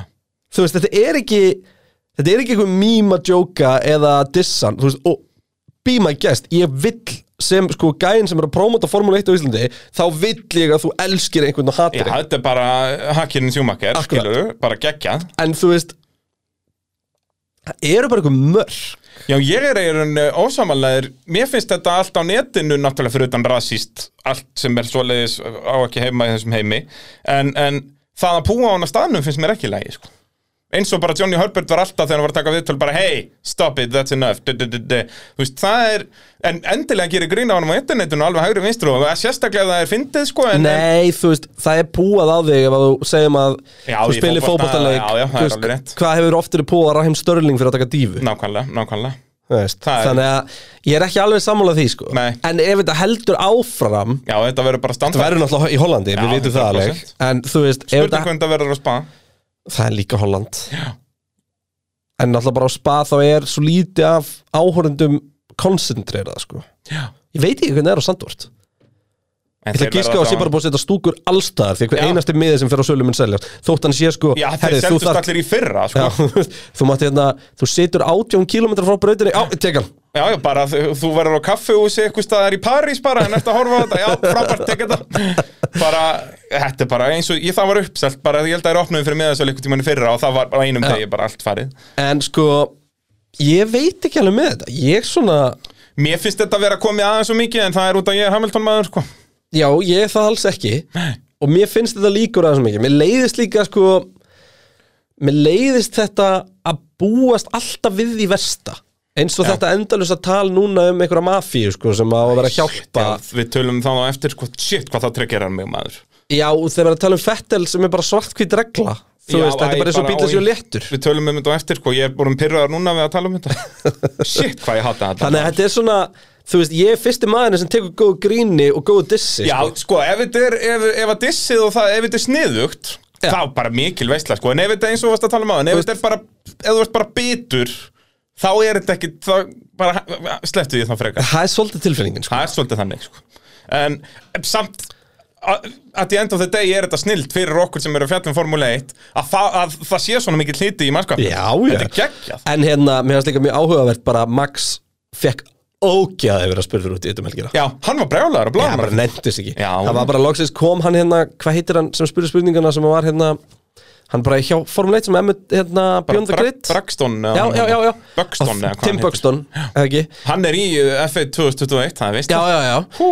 og hérna, og þá alveg bara Æ, ég nenni þess ekki lengur. Þú veist, það bara var komið félagans sem hann var hann Þú veist, og þá gat hann talað aðeins opinskátt Út Og þeir bara, eru náttúrulega búin að vera í viðtölum allan fimmtudaginn sko, þetta voru á Já. föstudeginum. Þetta er eina sem búið að spyrja hann úti Já, og Hamilton, Hamilton var bara ég held að hann hafi ekki einu sinni sagt neitt Nei, bara, en hann líka bara, held ég að hafa ekki Hann var ekki gæðin sem þorði að vera undan til. Nei, En hvernig fara Red Bull af því Að vera fórnalambið en enda á að vera tuðararnir?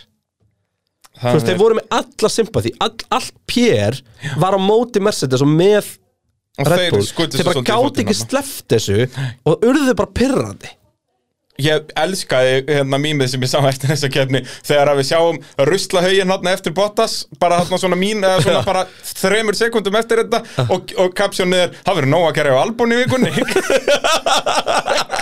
Endur ekki allar þessu línur. Hann þarf að gera alltaf línum þar maður hendur út um allt ah, Það er svo gott maður. Það er alltaf gott sko. Já, og líka hérna var búið að setja Bottas inn í eitthvað svona hérna, hérna V-bowling dótið Já, strike. Og allir, þetta var líka svo smekklegt Og síðan þegar hann situr upp að dekja augnum og horfa á Carbon konfettiði fyrir framann sig bara Ég gerði þetta.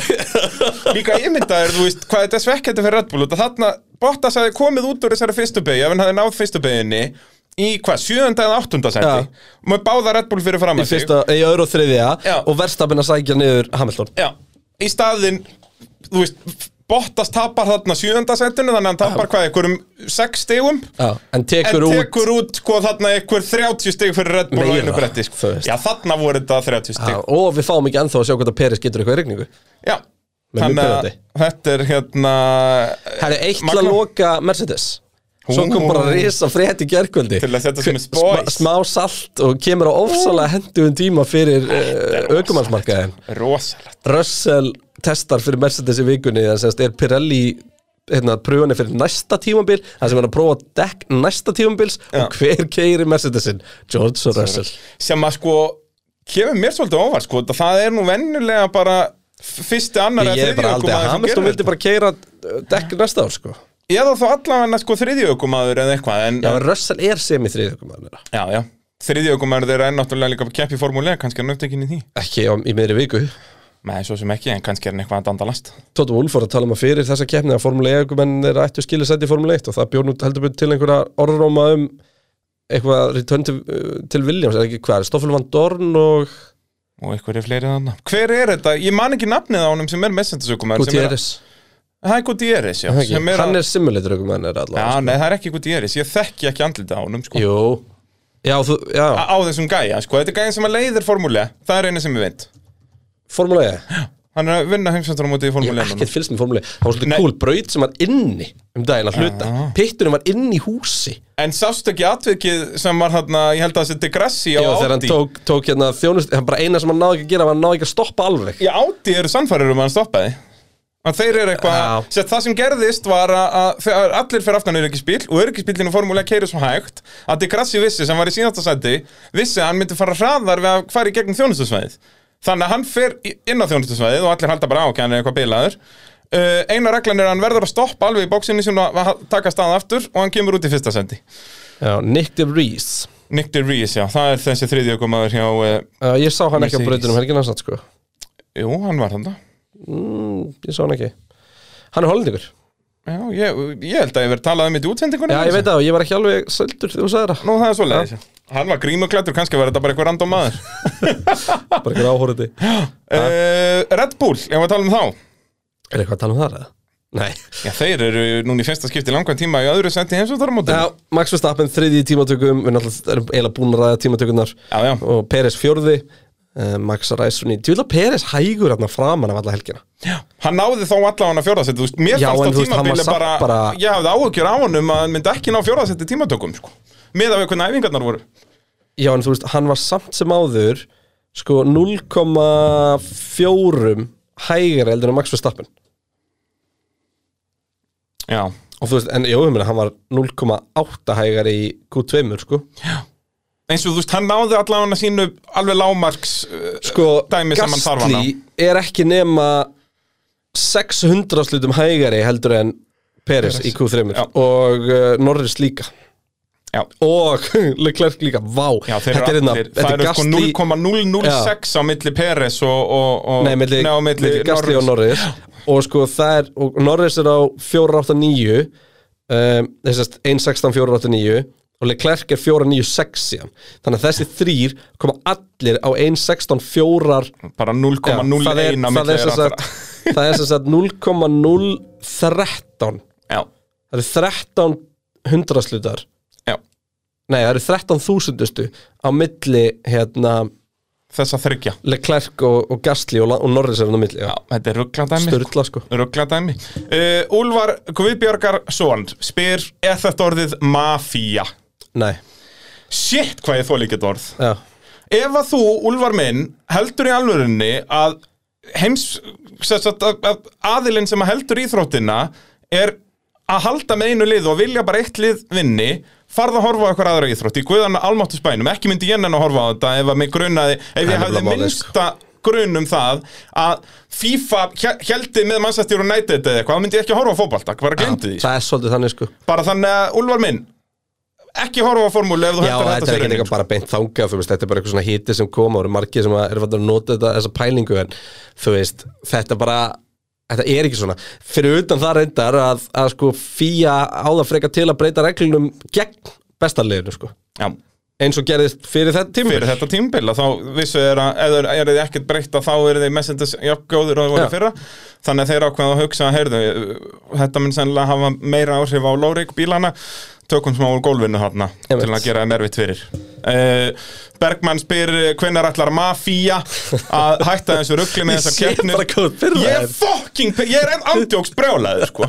Ég hata svona. Uh, að hérna, hvenær ætlar mafía að hætta í þessu ruggli með það þessar það var keppnir? einhver einasta Og- spurning næst, eitthvað mafí Já, 100% og, og gefa Hamilton bara titilinn. Já, já, það verður næst sem þeir gera, mafían. Þeir ætla að gefa Hamilton titilinn. Vettir úr leik og svo fjasko, já, vettir úr leik. Það er ótir dæmdan bara leik til að svo Hamilton geti verið annar, það er enga reglur eða neitt. Þetta var mafían sem að sérst gaf Vettel. Sérst, þeir sáu að þeir gátu út af Hamilton myndi gráða þrjústi en náttúrulega Vestapen bara einn Þannig að mafí, já, nei, þetta er mafían bara sem gerir þetta. Og, og svo fjasko í lok tímatökunar já, það er, mafían náttúrulega dæmir ekkert á það að Hamilton gerir þetta við þá. Nei, Og það mér- alltaf verið að dæma á þetta mafían sko, en gerir það ekki nú eina sem ég finnst að mætti dissa fýja alveg alvöru fyrir þessa helgina er að Fettel hafi verið ámyndur fyrir að vera í þannig prætbólnum sín Algjörlega er, Og ef hann hefði fengið refsingu fyrir það, Það bara- fokkin álmattur þá, þá myndi ég alveg líka það að hætta að horfa á Formule 1 Já, Það er, það er þetta háböruna skammar sko. bara sorry. Fyrir að, e, út af það sést hann var í regnbóvalitsbólum til að mótmæla þessum fáránlegum lögum í Ungverjalandi svo er það annað, við eigum ekki að vera að fara til þessar landa sko. Er Ungverjaland og íbarast, ég myndi aldrei að ferðast ánga ekki einu svolítið frá að horfa Formule 1 kenni Nei, alls ekki. Þú þurfur svo pyrrað að fara að berja ykkur í borð En, Og ég er líka pyrraður með þetta með Ungverjaland. Þeir voru andjóks bara núna að setja lög um Já, það sturglað að, sérst, er þetta ekki með námsefni og svona eitthvað entertainment fyrir Já. 12 ára á yngri? Það má ekki vera neinn samkynneigð og, og ekkert svoleiðis í því. Það, og glæni í lög hann í landi með þessu. Hvað er það ekki höfrungar sem eru bara líka náttúrulega svona? Er ekki bara bannað að Jú, séu ég, nei, höfrungar í sjófinu ég held að það er búið að finna þetta allstaðar í dýralífi eða í mjög, mjög mörgum stöðum. Ég held að hérna, mörgæsir eru svona líka og fundur þetta ekki gíröfum líka eru búin að finna þetta út um allt. Það er ekki bara við sem erum fabulous. Nei, Það er svolítið svoleiðis. Uh, uh, Ásamt því, já, sem að gekk á í síðustu keppni segir Bergmann mafíumadur Já, við náttúrulega vorum búin að taka í það almennilega fyrir Nei, þetta er mafían bara Ég ætla að byrja að vinna með þetta. Næst ef við förum að rökraða eitthvað svona með reglur það, Við þurfum ekkert að vita hvernig reglurnar eru Út að mafían er bara að halda með Mercedes Hérna, færum okkur frá þessu. Ég er að pæli að andjóks að fara að vinna með þetta. Þetta er orðið leiðilegt sko. Ég veit það, sérðu hvernig þetta er búið að gera mig? Þannig að ef þið viljið að ég sé svona alltaf Endilega verið með meira að mafíu uh, skemmtilegheitum. Út að ég sé líka að þeir eru ekki Þetta er ekkert grín eða sniðut hjá Úlfari og Bergmanni. Þeir halda þetta í alvörinni Það er leiðilegt að fólk svona sjáu þetta svona en, en þetta er það sem ég er líka búin að tala um með, þetta, þetta er það sem ég svo að tala um með svona bituleikan og heftina í öllu internetdóðinu sko að þú veist þetta er þetta allt sem hann verður svolítið til út frá því því að það er ógæslega auðvelt að sjá þetta allt svona því að það er ógæslega þreytt hvernig allt gengur upp fyrir Hamilton sko. Eftir 2005 var byrjuð Ferrari áhuga menn að koina þetta mafíu dæmi. Já. Og það bara, út að þá voru En betri. maf, náttúrulega fyrir var aldrei ásaka meira heldur en fyrir það að hjálpa ferri sko. Já, en síðan náttúrulega tóku þeir af þeim öll völd 2005 og þá breyttu þeir dekkjareglum bara til þess að hindra Ferrari. Veist, þetta er bara eins og ég segi, FIA eru yfirleitt þeir eru svona frægastir fyrir það að hindra liðin sem eru með allt og mikið dominance. Herðu, höldum áfram. Ragnar hérna, Magnússon Raki Mag, Raggi Mag, hann er að spura okkur hérna úti með gæng, vangin sem að, við, sem að ég myndist á. Og uh, þú vildi meina að hefur nú bara notað sem eitthvað mánt en svo fórum við að skoða þetta betur það er verið að fylla á eitthvað í vangnum sem sagt, eh, þetta var í æfingum og við vorum að velta okkur fyrir þessu í útsendingu að þá sérst voru svona einhverja vasslöngur sem fara Já. inn í nefið á, á bílnum þegar það er af bílum sem og sagt. síðan náttúrulega föttuðum við eftir á við sáum þetta þegar að, var það ekki Mick Schumacher sem tjónaði framöndan á hasinum sínum á Ímóla Nei, við sáum þetta á Mick Schumacher núna í FP3 þá er Já. bara platan laus og tvær, tvær svona pípur standandi út úr henni þetta er ekki eitthvað í bremsudæminu Nei, það er allt ón á, töppinu sko. Þannig ég ve veit ekkert hvað þetta er sko. Ég er að velta því fyrir mig hvort sko Þetta hefði meika sens hérna á þeim tíma sem að ökumenn gátu aðeins stilt framvengin Já, Það var hann eitthvað plata sem var þetta hækka og lækka hana eins og verið Indi og svona. Já, en það er ekki núna. Nei, ég, ég bara, er þetta, Þú veist, er þetta Er Ég- vökvið þessu eða loft eða glussi eða vitum við það? Nei, ég hef ekkert, ég hef ekkert náðu skot En ég meina, ég man aldrei eftir að sé eitthvað framvæng tjónast og það skvettist einhverju vökvi út um allt Nei, sko, það er nefnilega, ég held að þetta sé bara loft sko. Hvort þetta sé bara eitthvað svona air condition dæmi sko. bara sem fer skilur bara neðst er hjá svona og það blandaður bara- vökvi Þannig að Já, það kemur bara svona er- fresh Þetta er svona loft veip, dæmi eitthvað Nei, kannski er þetta bara eitthvað, er eitthvað pingu lítið loftop og þannig að þeir eru með svona lítið rör bara sem fer upp með og eða þá þetta sé bara til þess að stoppa vöku uppsöndina gæti verið eitthvað. Við þurfum að googla þetta. Við þurfum að googla þetta. Ég reyndi það sko. Já, ég reyndi það líka en ekkert mjög mikið þegar ég komst að því að það væri ansi strempið Svipa sko. og ég sko. Það væri eitthvað pipes in the front wing eitthvað, þetta gekk ekki vel sko. Þannig að, já, við þurfum að Og, pæla og betur ef maður þessu. leita að fluid front wing þá verður að tala um hérna þegar, þegar Marussia og Virgin hönnuð alltaf í fluid einhverju hérna bíluna sinna Já, ekki í þetta var bara tölvu dæmi sem ég heit fluid sko. Já Þannig að Eh, ég veit ekki. Birkir Örd spyr eh, Er það ykkar matta hefði einni verið að berjast um pall eh, hefði bílinn verið heillu? 100%. Það hefði verið geggjað. Það hefði verið svo mikil snilt að sjá það hann að þá náttúrulega hefði Max verið ef þeir hefði alveg að gera við bílinn hefði Max verið þarna undan já, Max, þetta hefði verið Hamilton, nei, Verstappen Hamilton 1 og 2, hugsa Já, ég meina við getum ekki tekið að Max, þú veist, hann var bókstæla þú veist, eitt, eitt fjórðið af bílnum Svona aðtöks, ef þú horfir bara ofan á bílinn Það er komin mynd þarna af bílnum eftir á, Það er bara svona- vantar alla hliðin á bílinn. Fyndu fimm villur. Bara, uh, ein stór. Já, þetta er alveg svona, svona amdjóks Þetta er ábygglega einn áttunda af bílnum ef þú horfir ofan á hann. Já, Peres náttúrulega fellur út strax, þú spottar hann um leða var háþristi, þáþristingur eitthvað að skjótast út Búm, bílnum. Búm, að bara allir Bifurlega kemur alveg var með þetta alveg á hreinu. En hérna, en sko Já, ég, þú veist, djúvill var þetta vel gert hjá hann sem var að klára svona. En hérna, hann var ég, ætla að koma með það núna og því hann var alltaf fastur baka Ricardo. Og Já. við vorum að tala um þetta, en Ricardo var á stórtjónu um bíl Stórtjónuðum bíl, einnig. Já. já. Það er rétt, tölum við Þannig það að- betur þegar við tölum um McLaren. En áður við tölum um McLaren þurfum við nú að tala um verkværasöluna Og pit crew fail helgarinnar Þeir hefðu nú frekar átt að nota verkværa frá verkværasölunni Sko, þeir eru náttúrulega alltaf náða að skipta um gólfið þeir eru nota verkværi frá verkværi Já, 100% Einu sem Þá var, eins og ég sá Norris ekki- hefði getað haldið áfram ef við værum með almennilega verkværi Ég reyndar sá ekki betur en að hérna, Red Bull væri að vinna með verkværi frá okkar, okkar fólki í verkværi Eru þeir með Milwaukee? Mér Er sýndist það það voru rauðar skrúvelar Já, auðvitað maður, okkar menn á vettvangi. Þannig að Og kannski eðal svona píparateip sem þið fengu í, í verkværisölunni líka? Djúvill voru duglega með það maður. Já, heldur betur. Hva, Eru þeir að nota þetta bara þannig að tippist ekki meira úr þessu? Já, það. líka bara til þess að slétta yfirborðið þar sem þetta er, þú veist. Út af þetta er svo röf þegar að við, þú það ekki, það að þeir gera þetta fyrir hvert einasta sesjón Þeir teipa upp allan bílinn, þetta er magnað að horfa á þetta. Það er bara einhverju tveir, þrýr menn sem er í þessu bara teipa upp all samskipti. Eða þeir þurfa skilur að skrú eitthvað af og, Taka vélífuna af, þá þarf að teipa hann upp á nýtt. Þetta, er er, þetta er ekki meiri tækni en þetta sko. En hérna, var eitthvað afgerandi pitfill? Þeir voru svolítið hægið með sæns Já, þeir Já, eiginlega- Aston Martin, ef Já. Aston Martin hefur bara drullaslega að nota almennilega verk shit hvað það hefði verið agalegt ef hann hafði actually komist Það er eiginlega Já. núna sko. Því það hefði verið svo gaman að sjá Fettil vinna keppni sko. Já, Hefði ekki Vá, verið að hvað okkur hafði sprungið maður og líka, hell, sko. líka akkurat þegar að vera að þú veist hérna skamman fyrir að vera í prætból og skóm sko. og eitthvað og. Fettil, hann hafði líka verið komin á svona annan eða þriðja bjór þegar hann hafði verið dæmdur úr keppninni Já, nota bene, það sem að Fettil var, refs, eh, var reprimandaði fyrir var ekki beint að vera í prætból Nei, nei, nei, bara það að vera í ból Ég, sko, þetta sama. átt að vera í þannig We Race as One Já, bólnum að sem er eitthvað svona sérstakur. Já. þannig að hérna, Já, það er þú þetta er ekki hommahattur hjá Fía sko. Nei. nei, nei, nei, nei, nei, nei það er umlað málið sko. Þetta er bara það að hann var ekki rétt um ból En þarna hefði þeir eiginlega bara átt að segja bara, herru, Seb, við ætlum ekki að gera neitt formlegt í Já, gera þetta ekki gera þetta aftur.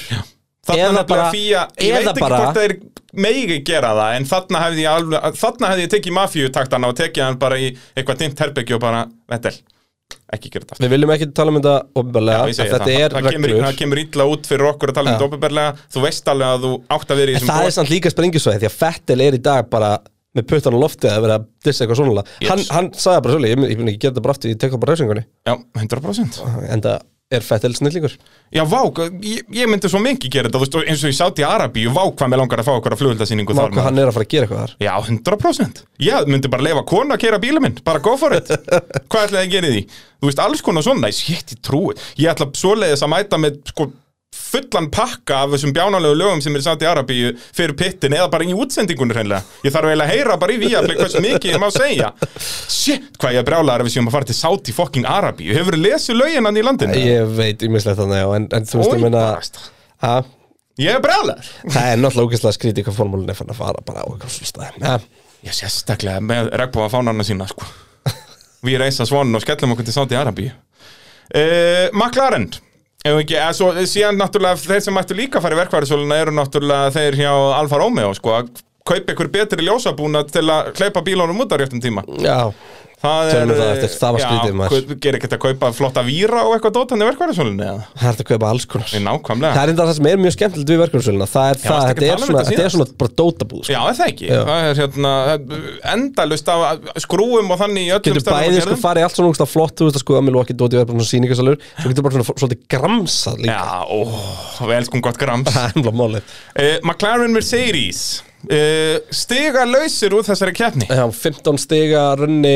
umlað málið McLaren Mercedes Stiga lausir úr þessari keppni Já, 15 stiga runni Norri. Herri, það er eitt sem ég ætlaði að segja hérna, í sambandi við Bottas. Og það er það að það er búið að segja núna rosalega mikið að þetta hefur verið svo amatör hjá Hamilton á Silverstone. Og Kristján Horner alveg tók það fram og ímislegt en þetta með Bottas en að kjöru Norris það er jafn amatör og það gerist. Já, bara aftan á kistla Mér er langaði bara, bara til að minnast það. Já, um, Já, ég meina hvað er þú að segja? Bara Landon Norris gerði allt sem hann átt að gera sjötti í tímatökum var ekki langt frá fjórðasætinu um, var, þú veist munið enga ára 50, var bara á harréttum stað Já, þannig já. séð hafði verið framan svo af- lit annarsætti Já, framan og leit brautin út fyrir að vera sterkari fyrir Ferrari. Þannig að hann bara gerði ógeðslega vel að- að vera hann Mhm. Hann að er magnaður í tímatökum. Hann hann er bara magnaður aukumæður Hann er byrjaðar að vinna með á Hamilton semst, í tímatöngum hvað það var þar, hann er alltaf glataður í æfingum, svo ekkert spes í Q1-um, örlítið skári í Q2 og svo alltaf, þú veist, maður er alltaf Það leit út á að Leclerc- svo hann var að falla út í Q2 hann, svo sett hann endur annar ringa um að rétt En þú veist, eins og þegar ég er að horfa á, á sem sagt, Leclerc Norris slægin Mhm. í, í tímatökum, þá þú veist, eftir Q1 og Q2, ok, Leclerc núna, núna tekur hann pakkar hann þessu já. og svo bara Norris, þegar allt er undir, þá mætir hann bara, Þetta er, er hann er svo magnaður, En hérna, en ekkert sem hann gerði rámt þarna. já, við með þess að, glimtum að ræða með tímatökurnar. Það er náttúrulega það að- Red Bull þóra ekki að fara í gegn á milliörutekjunum En síðan reynda kemur Pirelli morgunin eftir og sér hraðast að strakið í að neð Þannig að þú veist, það hefði verið líka mjög áhugaður keppni Red Bull tveggjastoppa og Mercedes á einstopp sko. ég við sáum það með Hamilton, að hann var, hans strategían var hröðust, það var bara einn Alonso fyrir honum. Já, það er veist, það er nákvæmlega svoleiðis. En uh, ok, með McLaren, veist, það er ógslag lítið að ræða Bara leiðilegt fyrir Norris að það sé ekki að hans völdum sem að 15 stiga rönnið hans endar Já, það er Það er mest, flest, að lengsta rönni í sögu McLaren fyrir aukumann Það er rétt. Það er um, Og náttúrulega bara þetta er að nút Daniel Ricardo, þú veist, hann leit fint út alla helgina þangað til tímatökum Og er svo bara stór tjónu um bíl Já, og hérna Kolbett Katt spyr, er eitthvað að vita meira um hvað gerist fyrir bílinn og Rikki Ardó í krassinu? Það er bara golf og, og allt þetta klassiska sem er- skemmist í þessu sko Hliðina á gólfinu, basically, það er stærsta tjónið. Klerk endaði nú nánast bara upp á honum Já. Ég held að það hafi náða að laga sko hliðina að einhver leiti. Aðalmáli var semst þannig hliðin á gólfinu, basically. Já, þú skiptir ekki, þú veist, til þess að um Það var þá það að þarf það, já, bílinn þarf að koma inn emitt, þú ert að spaða allan bílinn, nákvæmlega. Þú, vinnur, þú skiptir um gólfið ofanfrá, basically, og þarf bara að taka allt í burtu sem er fyrir ofan gólfið. Ekki alveg, en, Nei, en en já. þú að já, það er hægara sagt en gert. Þú þarft alveg, alveg verkværi frá verkværi svolítið í það, sko. Já, En þessi Formule 1 kallar er ekkert með niður um um En veist, hversu, hversu ofalega heldur Ricciardo að það endað með heilan bíl? Ég veist, hann hefði bara verið að berast með okkur og fættil Jafnvel unnið. Nei, þú veist, hann er sérst, ég er að tala um að hann hefði lent í áraktunum og síðan, gert, síðan hafa gert við bílinn. Já, þetta ekki að meina bara, hann hefði bara Jú, ég meina, hann var Þú veist, hann ræsir, hvar er hann í endurræsingu? Níundi, tíundi? Já, þá held ég hann hefði ekkert unnið sem þetta sérstilega mikið upp. Nei, Þá var hann bara í slagnum með Gastli og þessum gæjum Já, sko. ég hugsa hann hafi verið á eftir Gastli á undan sem nota Hvar endaði sem nota? Sjötti? Ég held hann hafi verið í sjötta seti Já, endaði hann ekki, undaði þessu nota ekki sjöundu og færður upp í sjötta? Var ekki þannig? Jú, alveg rétt Þannig, Þannig að hann hefði verið, ég held að hann hafi splittað Alfa Tauri. Ég held að hann ekki Já, komist en ef hann hefði sloppið alveg Já, þá náttúrulega hefði hann bara verið í öðru seti. Eða fyrsta náttúrulega út af Hamilton feil Já, Leclerc samt var í slagnum við hann. Það hefur verið mjög áhugavert. Já, en Leclerc, skil- Ricardo Já, ertu að tala um að Leclerc hafi sloppið líka? Bara ef að stróldæmi hefði ekki gæst, basically. Já, kannski. Ertu að tala um það? En ef að stróldæmi hefði ekki gerst, Málið það, það er sko Bottas opnar keppni hefði verið áhuga að vera stróldæmi ekki skyttið. Bottas nefnilega opnar hann fyrir hérna áttunda, níunda, tíunda sætinu. Já. og því, eða svona sjöunda, áttunda, níunda, tíunda eitthvað hannig, stróldæmi opnar síðan fyrir rest sko. Já Stroll tekur náttúrulega já, McLaren og Ferrari bílana með Já. hann að botta sá um Red Bull. Þannig að það vantaði alveg skiluru það vantaði þetta top 6 skiluru og síðan náttúrulega Hamilton sá um sig sjálfur. Tjöld er þetta hefði nefnilega, já, ef að Stroll dæmi hefði ekki gest, ef að þeir hefði allir verið að nynni Sainz Leclerc uh, Ricciardo það hefði verið út að þá hefði þeir allir verið að berast um Leclerc Já. Sainz. Nei, Le Leclerc Ricciardo að berast um fyrsta sendi, það hefði verið svakalegt. Já Leclerc hefði pakkað honum samt held ég. Herra, við skemmtum okkur yfir til uh, Ferrari, Ferrari. sem eru núna jöfn af stigum við McLaren. Þeir eru tæknilega, sko, í okkar skjali eru Ferrari á eftir en ofinberlega eru þeir á undan. Ég bara nefnt ekki að fara það. Út að þeir eru hvað sem er jafnir. En þeir eru í þriðasetti núna. Bæði lið með 163 stig. Já og semst svona einhver internal reikni vélinn þarna sem að semst metur árangur leiðana þá er Ferrari á undan. Við getum eiginlega ekkert rætt Leclerc þessa helgina. Hann var bara svolítið að blikka myndaðilina Og hann var kjöft okkur vilt. Úf, En þetta var eh, líka svo random, hann var bara skipti yfir, þú veist, þegar bílinni er inn á þjónustasvæðin, skipti yfir á myndavælina sem er að ný stýrin og bendir á hann. Og hann hefur séð það spottað á monitor og vinkaði löflétt og þá þurfti bara alveg nú að skipta um nærböksur Já, já.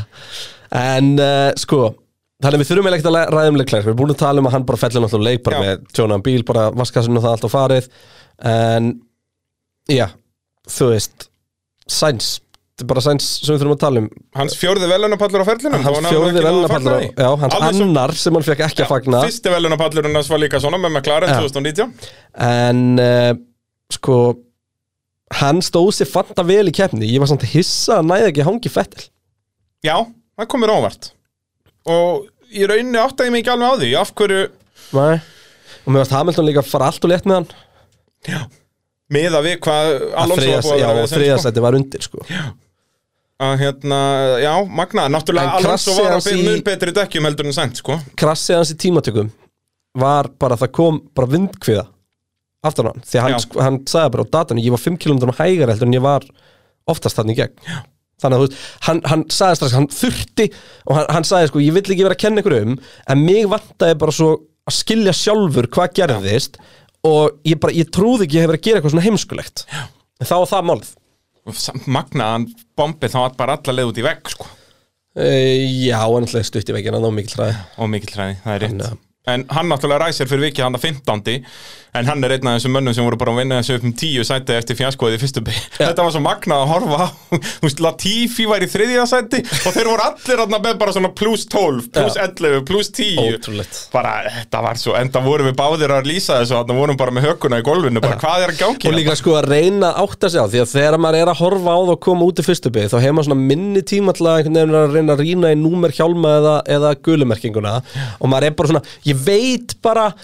að Norris ræsir 50 en Ricardo ræsir 11 Já, Þannig að þú veist að öllum sirka. líkindum er það Norris sem myndi koma undan. Veist, þarna var þetta bara allt komið í einn gröyt og líka, þú veist, og við náttúrulega eins og við útsendingunni, við spottuðum ekkert stroldæmið fyrir bara í þriðju endursýningu eitthvað, og það við vorum svo upptignir að hinnu Já. og síðan bara, heyrðu, já, strollbombarinn er hliðin á Leclerc, Einmitt. fyrst hélt ég sko, byrju Leclerc lélegt í honum hann að klessa á Ricciardo, svo kemur önnur endursýning. Nei, já, stroll kemur eins og fljúandi skítakamarinn í hliðin á honum. Þannig að þetta var helvíti magnaði Hákon Ingi spyr og mér finnst þetta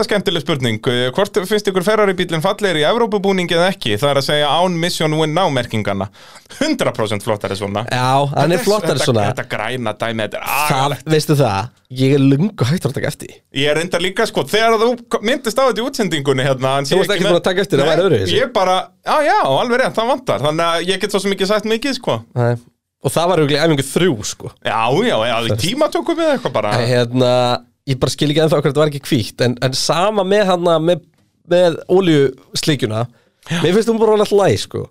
Já, já, maður er búin að vennast þessu. En þú veist, mér finnst þetta samt ekki fallegt En Nei. ég er sammála, mér finnst þetta allt í læg bara ferri rauður og svo fallegu litur, sko. Ég veit það Bara Mér finnst að líka henda Ferrarínu vel að vera mattur sko. Mér finnst það gæð, Ja. cool Mér finnst það töff. Mér fannst þetta líka alltaf ekki að glasandi, sko. Já, Ferrari F2004 er ennþá minn uppáhalds Formule 1 bíl hvað, þó Já. ég hef ekki verið eitthvað mikill Ferrari maður í gegnum ári Nei, en wow, wow, wow Uh, Rökkvi Rafn, getur sænt svo orðið ökumaður nummer eitt hjá Ferrari að það verða er bara áfram uh, þannig að þeir mega bara berjast? Uh, Þetta er nefnilega frábær spurning því að þeir eru gjörsamlega jafn, eru ekki með þessi jafnir á stíu núna? Þeir voru það þegar Vettel var ennþá í keppni. Þá voru þeir báðið með 80, Já. núna er Sainz með fleiri stíg Núna er hann með 83 móti 80 hjá Já, já, já, já, já.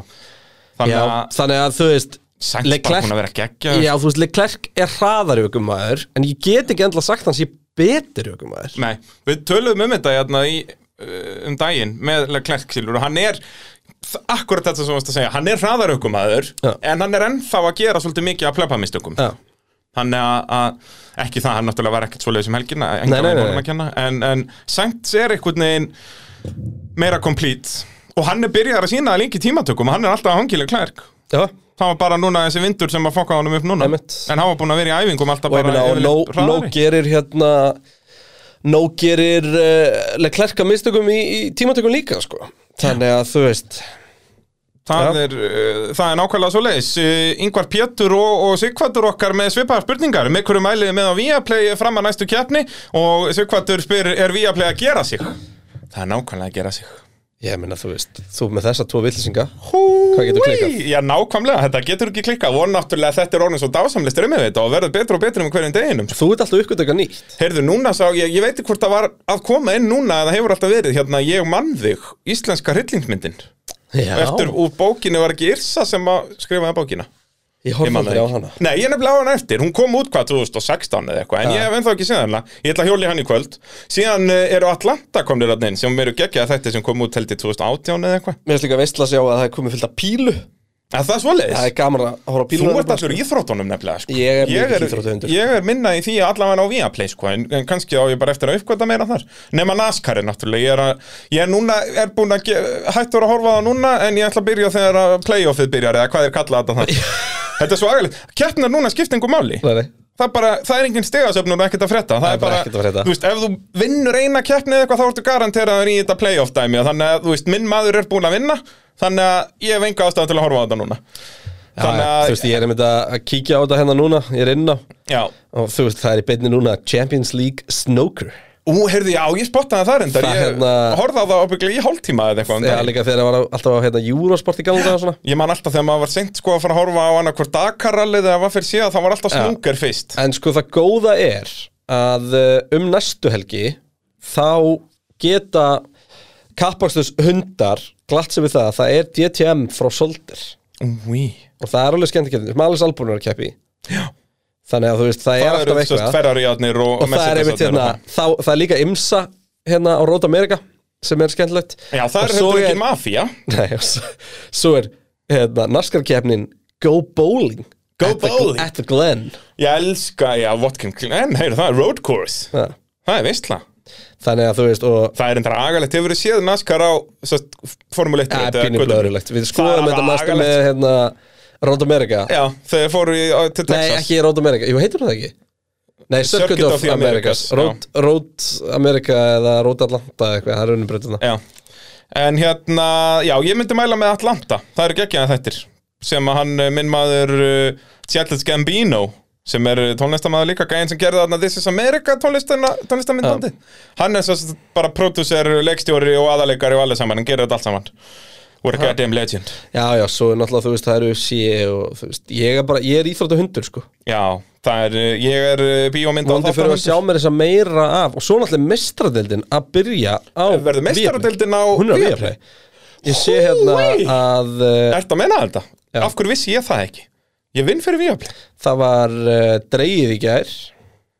Það er svona, heyrðu, já, mínir menn í Chelsea eru ríkjandi meistarar Já, það er rétt. Sætla minninga En ég sé til dæmis að á, já, í kvöld er PSV Midtjylland á uh, Viaplay. Sem er þá undan keppni með Champions League sérst, já, til að komast í það er stórfínt, nú erum við komin á hættulega slóður og erum að tala um fótbolta, við skulum hætta því þið snarasta. Og tala frekar um Alpine Renault því að loksins er, er það ekki bara að við höfum ekkert að segja um Alpine út af þau eru svo leðilegir Herru, ég sé hérna að það er komið þáttaröð ég trú ekki að þú hefði byrjað að tala um Sem eitthvað að- annað þegar ég fór að tala um Alpine sem að heitir I don't believe it. Býtu, það er komið ný þáttaröð hérna inn sem er eins og Netflix Drive to Survive nema heitir Chasing the Dream og er um Formule 2 já, er það á, á Viaplay? ja. ok, Þetta er um tímabilið í fyrra gamla þetta er bara Formula One Production. Þeir Já. framleiðast á þetta Ú, Visiting Carlins Headquarters Ú, Ég þarf að tjekka því, þínir- bara í menn. gamla liðið mitt maður. Heyrðu, já þú varst að kemja með Karling í Formule 3 Já, og þar hafa margir meistarar, heyrðu, og þú hefur ekki séð þetta. Ég Nei. hefur reyndar heldur ekki ég séð þarf að þetta tjekka á þessu. Ég vissi ekki að Chasing the Dream væri komið á Viaplay. Nei, það er bara mætt. Það er uh, vel gert. Svo er þetta að vera að mæla með fyrir mig pitturinn. Já, ætti þú að horfa á það? Eh, Eigum við að tala um Alpínu Runó eða ætlar að grípa fram með fyrir mér aftur? Ég ætla að gripa fram í fyrir þig, því ég var að finna aðra heimildamind fyrir þig. Nú, já, já. The Race to Perfection A celebration of the 70th anniversary of the world's greatest motor racing series, Formula 1 Það er heil þáttaröð. Race to Perfection, já, það er aftur Formule 1 uh, Production. Getur vel verið, þú maður horfa á þetta? Já, Já, ok, þetta er good shit. Ok. Þetta er bara, að þessu. þetta eru heimildamindir bara sem að Formule 1 gerðu þarna svona 2012 til 2015-16 Það við fögnuðum 70 árunum náttúrulega núna samt bara nýlega. Já, fyrra. Fyrra og, en síðan eins og hitt með, með eftirmiljum 70 samanleis kappæstri á Silveston bara bing bara boom. En síðan uh, hérna með hvað sagður að hitt hétti ekki Race to Perfection heldur hitt? Chasing the Chasing Dream, the Dream. Þetta er allt eins og segja, þetta er gott stöf og er svo bara Formule 1 prodúserar þetta. Ah, þetta er uh, gott stöf nú veit ég hvað ég er að checka allavega. Heldur betur, uh, Alpine Renault. Var eitthvað að ræða þar? Nei, er þetta ekki sama sagan alltaf? Við, að og ekkert að frétta. Ég sé allavega, þú ert ekki búin að uppfara hérna. Jú, jú, þú ert búin að uppfara hérna. Veistu, klikkaður, eru komin í fymta seti með 77 stig, þeir voru í eitthvað rétt orðmjölega 30 held ég. Þeir eru búin að meir en tvöfalda stigafjöldan sinn Já, þetta, þetta var ágætið stökk hjá þeim. Já, fínt, fóru úr hvað, voru þeir ekki sjöfanda seti eða? Þeir voru eftir bæði Aston og Al Alfa. Tauri. Þeir voru, og allir tíu stegum eftir eða eitthvað sko. Já, já, þeir voru bara, virtust ekki alltaf verið í þessum slag og nú eru þeir bara komið með ágætis fórskot, sérstaklega Aston Martin kom að stiga laus frá þessari kefni uh, Okkon uh, þvílíkur maður. Þvílíkur maður. Þetta var frábælega gert frá honum, frá Já, Hann færði allt upp í hennar á sér. Já, en þú veist, En hann sko- næra verjast Vettel. Vettel var nú orðinn ansi líklegur hann Já, ég komið rosalega óvart að fellin að ekki að gera betri allu sko. Já, En, þvílíkur útringur hjá honum eftir pitstoppið maður. Já, Shit, sko. Hjá Fettel bara, Svakalegur. bara allt fjólublátt bara En ég meina. Alpín gerði bara allt sem þið þurftu Og þú veist, þa það Já, er rúmlega lítið að segja um okkar Við sáum svo lítið á hann um alla keppnina. Já, já. En hann bara gerði ekki mistök. Alla keppnina, hélt hausnum niðri Með pressuna að vinna fyrstu formuleik keppnina sinna Á herðunum.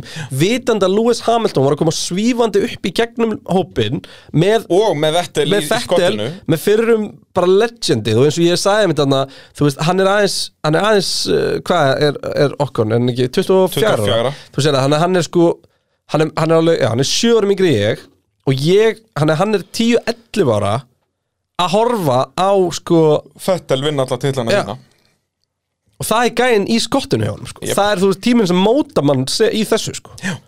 þú veist, þannig að bara störtlað Já, og fyrir gæinn það komi margir ringirarnar sem Vettel var að gera alveg alvöru árás á hann sko, þó að Vettel Já, hafði já. verið mestmægni kjærnina svona einn og hálfur á eftir en síðan Vettel gerði árásirnar og var hársprettur að komast fram hann í kringum pitstoppin þó að Aston Martin klúðruði þessu fyrir honum.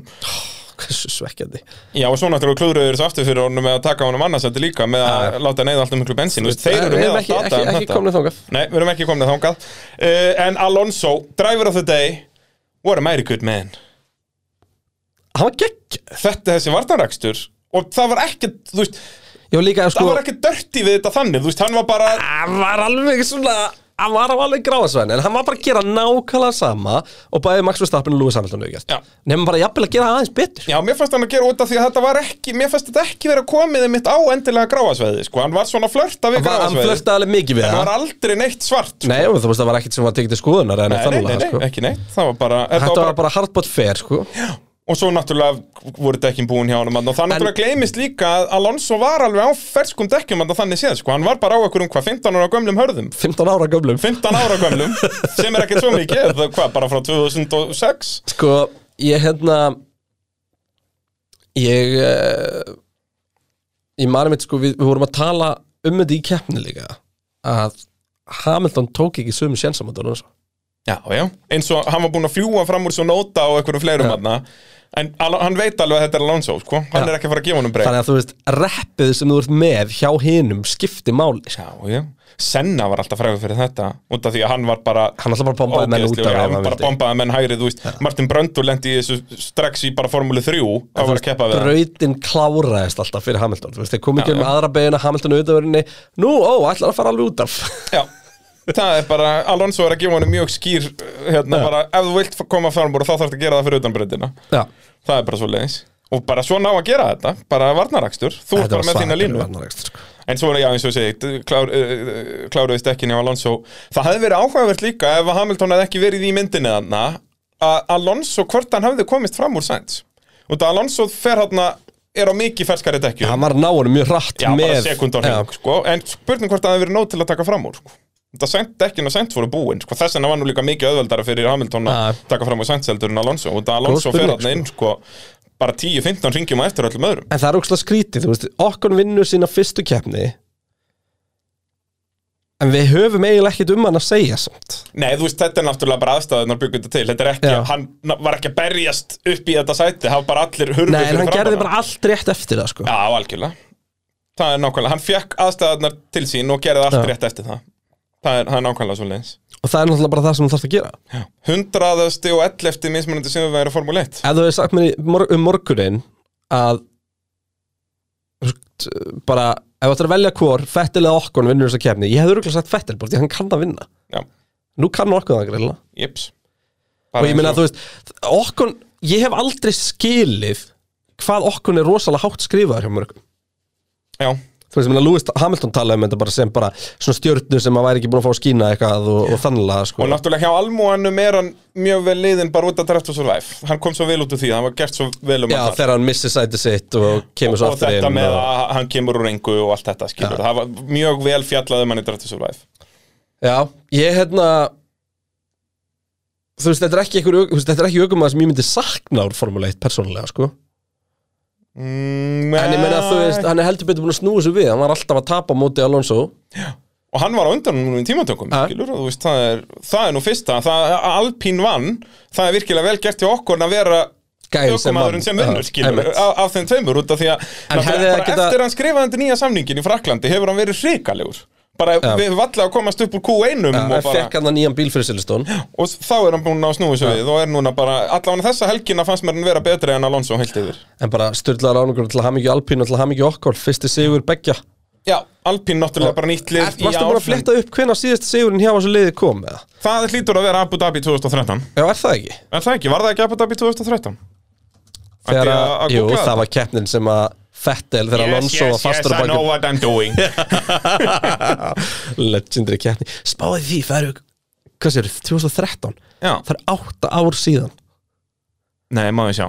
Nei, uh, 2014 Nei, nei það, þetta er 12 þá. Þetta er 12, já, þetta er fyrst Þetta er Vettel Þetta er 12. titlinn hjá Fettel. Þriði Já, 10, 11 og 12 11, 12, 13 Var það 12 sem ferri átt að vinna? Já. Sem Alonso átt að vinna?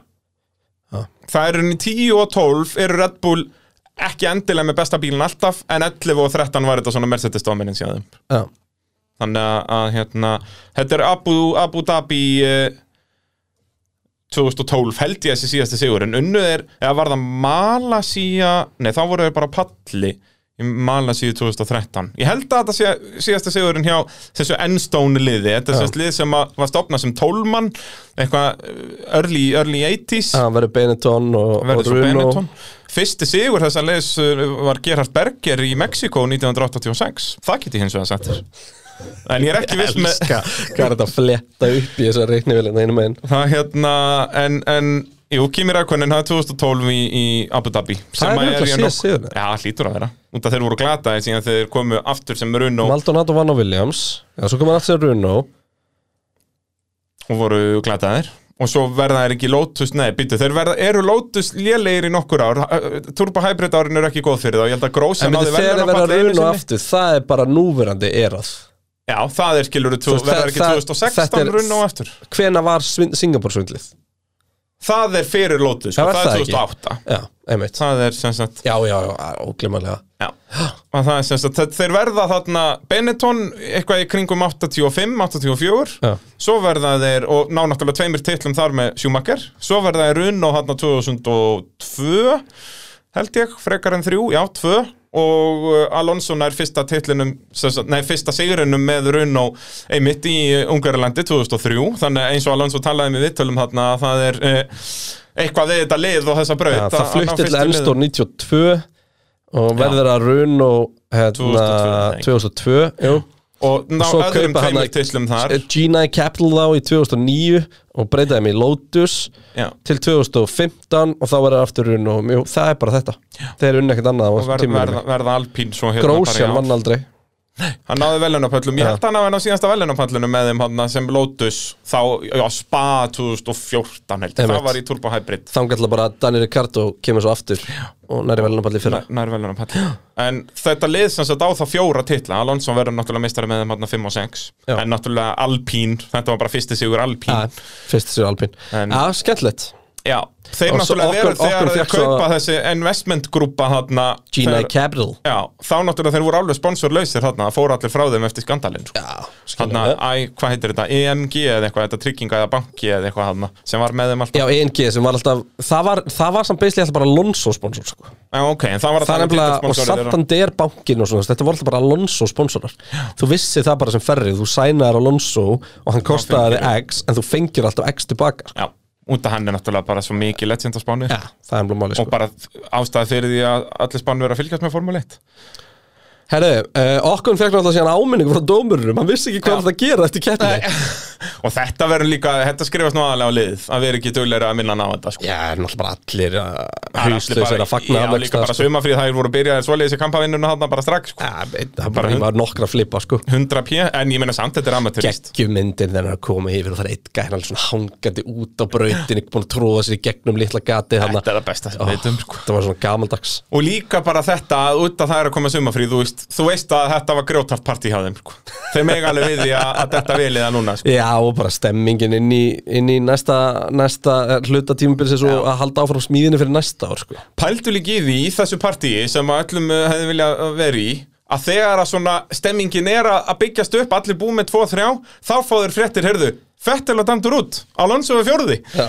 Litla veistla nú er náttúrulega að Aston Martin er með 0 stig þannig að nú eru þeir þú veist 20 stigum og undan. Aston Martin og í þessum slag eru 20 stig helvíti Hellingur, mikið sko. sko. af undir vennilegum kringustæðum ertu kannski að ná svona 4 til 8 stigum Já. og, og er er hitlið- hann á 6 Já. þú veist að, þú veist, að ná að græða 4 til 6 stig í keppni í þessum slag er mjög mikið Einmitt, Þannig að 20 stiga swing fú, einmitt Sæl Það þyrfti bara annað svona Þú veist, náttúrulega við töluðum um það Alpín nýttu sér þetta ekki í hinnum bjánakefnum eins og Baku og svona, þá nýttu Aston Martin sér þetta og, og hérna Monaco. Og Alfa Tauri. Og Alfa Tauri. Eh, hérna Alpín hafa aldrei náða að nýta sér þessar fríkeppnir en núna heldur betur nýta þeir sér alveg til fulls. Akkurat svoleiðis, Alfa Tauri geggju keppni á þeim, eh, 5. og 7. seti sko, Já og nei Ætti Gastli að hafa gert betur Ef þú veist Gastli Fimm- náttúrulega basically lendir, sætið. lendir í þessu En- hann bara, hann Já. tjónar ekki bílið sinn Ég ætla bara að minnast það, þú veist, 5. og 7. sætið á tjónu um Alfa Tauri Sko Af þeim sem eru fyrir framann hann Já, Þá er um, er- enginn sem átti en til að vera fyrir framann nema Lewis Hamilton og Carlos Sainz Já, þannig að þetta vera þriðja ef þeir væru virkilega best að þeir ræst En náttúrulega Gastli tapar, veist, í endurræsingunni ekki Gastli náttúrulega fór bara í næsta postnúmer Hann í ræsir, já, manstu, hann er fyrir aftan hann er, hann, er, hann er fyrir aftanverðstafinu og hann byrjar að beða þegar hann sér áreiksturinn og, hans, og bara kemur sér bara í burtu. Já, bara hann fer Eina alveg upp í skynsamlega sem hann dekkjaveikinn gat bara. gert, sko. Já, já. Já, Þannig að- og þarf svo að þræða fram hjá öllu og, og eitthvað svona rugl sko. Þannig að- að Gastli náði hann upp í fimmtasettið á Alfa Tauri er Já, geggjað það er eiginlega það sem er lélt við þetta er að Sunóta ná ekki að halda stöðu sinni miða við Gastli í þessari keppni. Já, Und að Sunóta var hann ekki komin í fjórða, var hann ekki fyrir aftan Latifi bara, eða var hann Jú, fymti? ekki. Fjórði eða fimmti. Fjórði eða fymti Að hérna En Sunóta, já, og þú veist, hann endar endaði Gastli ekki með, þess að pitstop á undan honum. Ekki, var ekki Gastli sem náður hraðast að hring? Tók hann ekki auka stopp hann á undan Sunóta Jú, Þó að var eitthvað þannig. Þú veist, Sunóta hleypur honum fram úr þegar það eru einhverju 20 hringir eftir eða eitthvað. Og þá nærst Gastli samt að vinna sig upp. Mér minnir það, var ekki Gastli sem var með hraðast að hring? Jú, var það ekki? Mér minnir það. Það var allavega ekki, það einhver tók hann af Hamilton, mann ég. Ég var hlýtur að vera Gastli Gastli held ég sko. Og já, svo nota hann í 16. sent í tímatökum aðra röð. Gastli er með hraðasta ring á síðasta ring Já, og en var hann á nýjum dekkjum? Ja, hann fór fimm ringi á þessum dekk ja, þessi dekk voru búin að fara fimm ringi Þannig að hann hefur tekið, hann hefur náð auka pitstoppi á svo nota. Já, sem er magna já Já, hann er náðu auka pitstop og svona þetta. Hann fer fram úr hennum hérna á 48. ring Það er náttúrulega alveg 30 ringir eftir sko. Þannig já, hann bara pakkaði honum. Pakkaði honum. En ég held að sé ekkert meira alltaf að ræða um Alfa Tauri sko. En það er nóg að ræða um Aston Martin. Ó já Uh, Kolbett Kartspil uh, spyr uh, Fettel átti hann ekki alveg að geta klárað þetta hefðu verið stappin og Hamilton klárað þetta þeir hefðu verið í bílnum þar að Ég segja er klárað ekkert að alveg komast fram viss úr um það. Nei, ég er nefnilega að pæla í þessu og ég er nefnilega ekki svo viss. Við sáum hvað Hamilton átti erfitt með að fara fram úr. Alonso. Já, og bara Verstappen enn 2019 þá enda hann að gefast upp og fara bara inn í pit.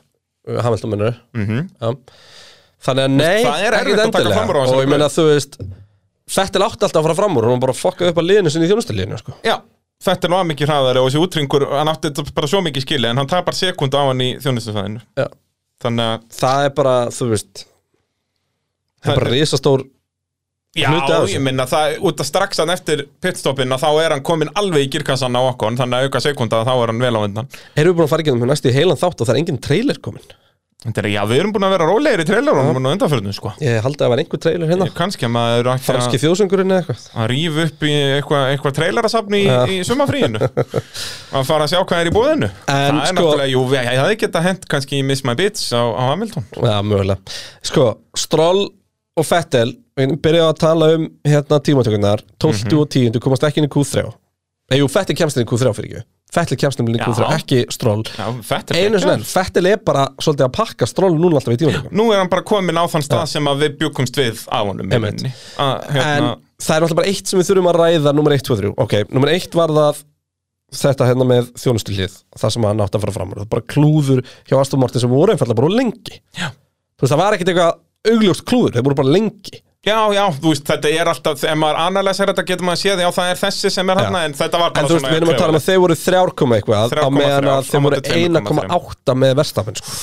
Var, erum við ég komin er ekki búin að sjá það, það væri búið að flagga því Já, þetta var ég heimsmynd, þetta sko. he- hljóta að verið 1,9 Já. En sem sagt en allavega, hérna en þá ætlum við að tala um mafíuna Já, uh, Hilmar Jakobsen spyr uh, Nú missir Vettel annarsætti því þið náðu ekki lítir af bílnum til mælinga Náðu aðeins 300 millilítrum Hvaða bulli reglur eru þetta hjá Formule 1? Þetta er mjög ósangjant uh, að disqualified fyrir uh, að vera næstum bensínlaus Er þetta kappakstur eða sparakstuskeppni? Má, þetta- má ég svara þessu? já, Út að ég er brjálæður Ok. Nei, hérna þetta er sparakstuskeppni, það er sem sagt til að hafa formúluna að við förum í rétta átt með að reyna að hafa þetta eitthvað tengt í að gera fólksbíla betur og svo framvegis að þá byrjaður bara með 100 lítra af bensíni eða en 100 mest kíló. með að vera með 100 kilo bensin, já.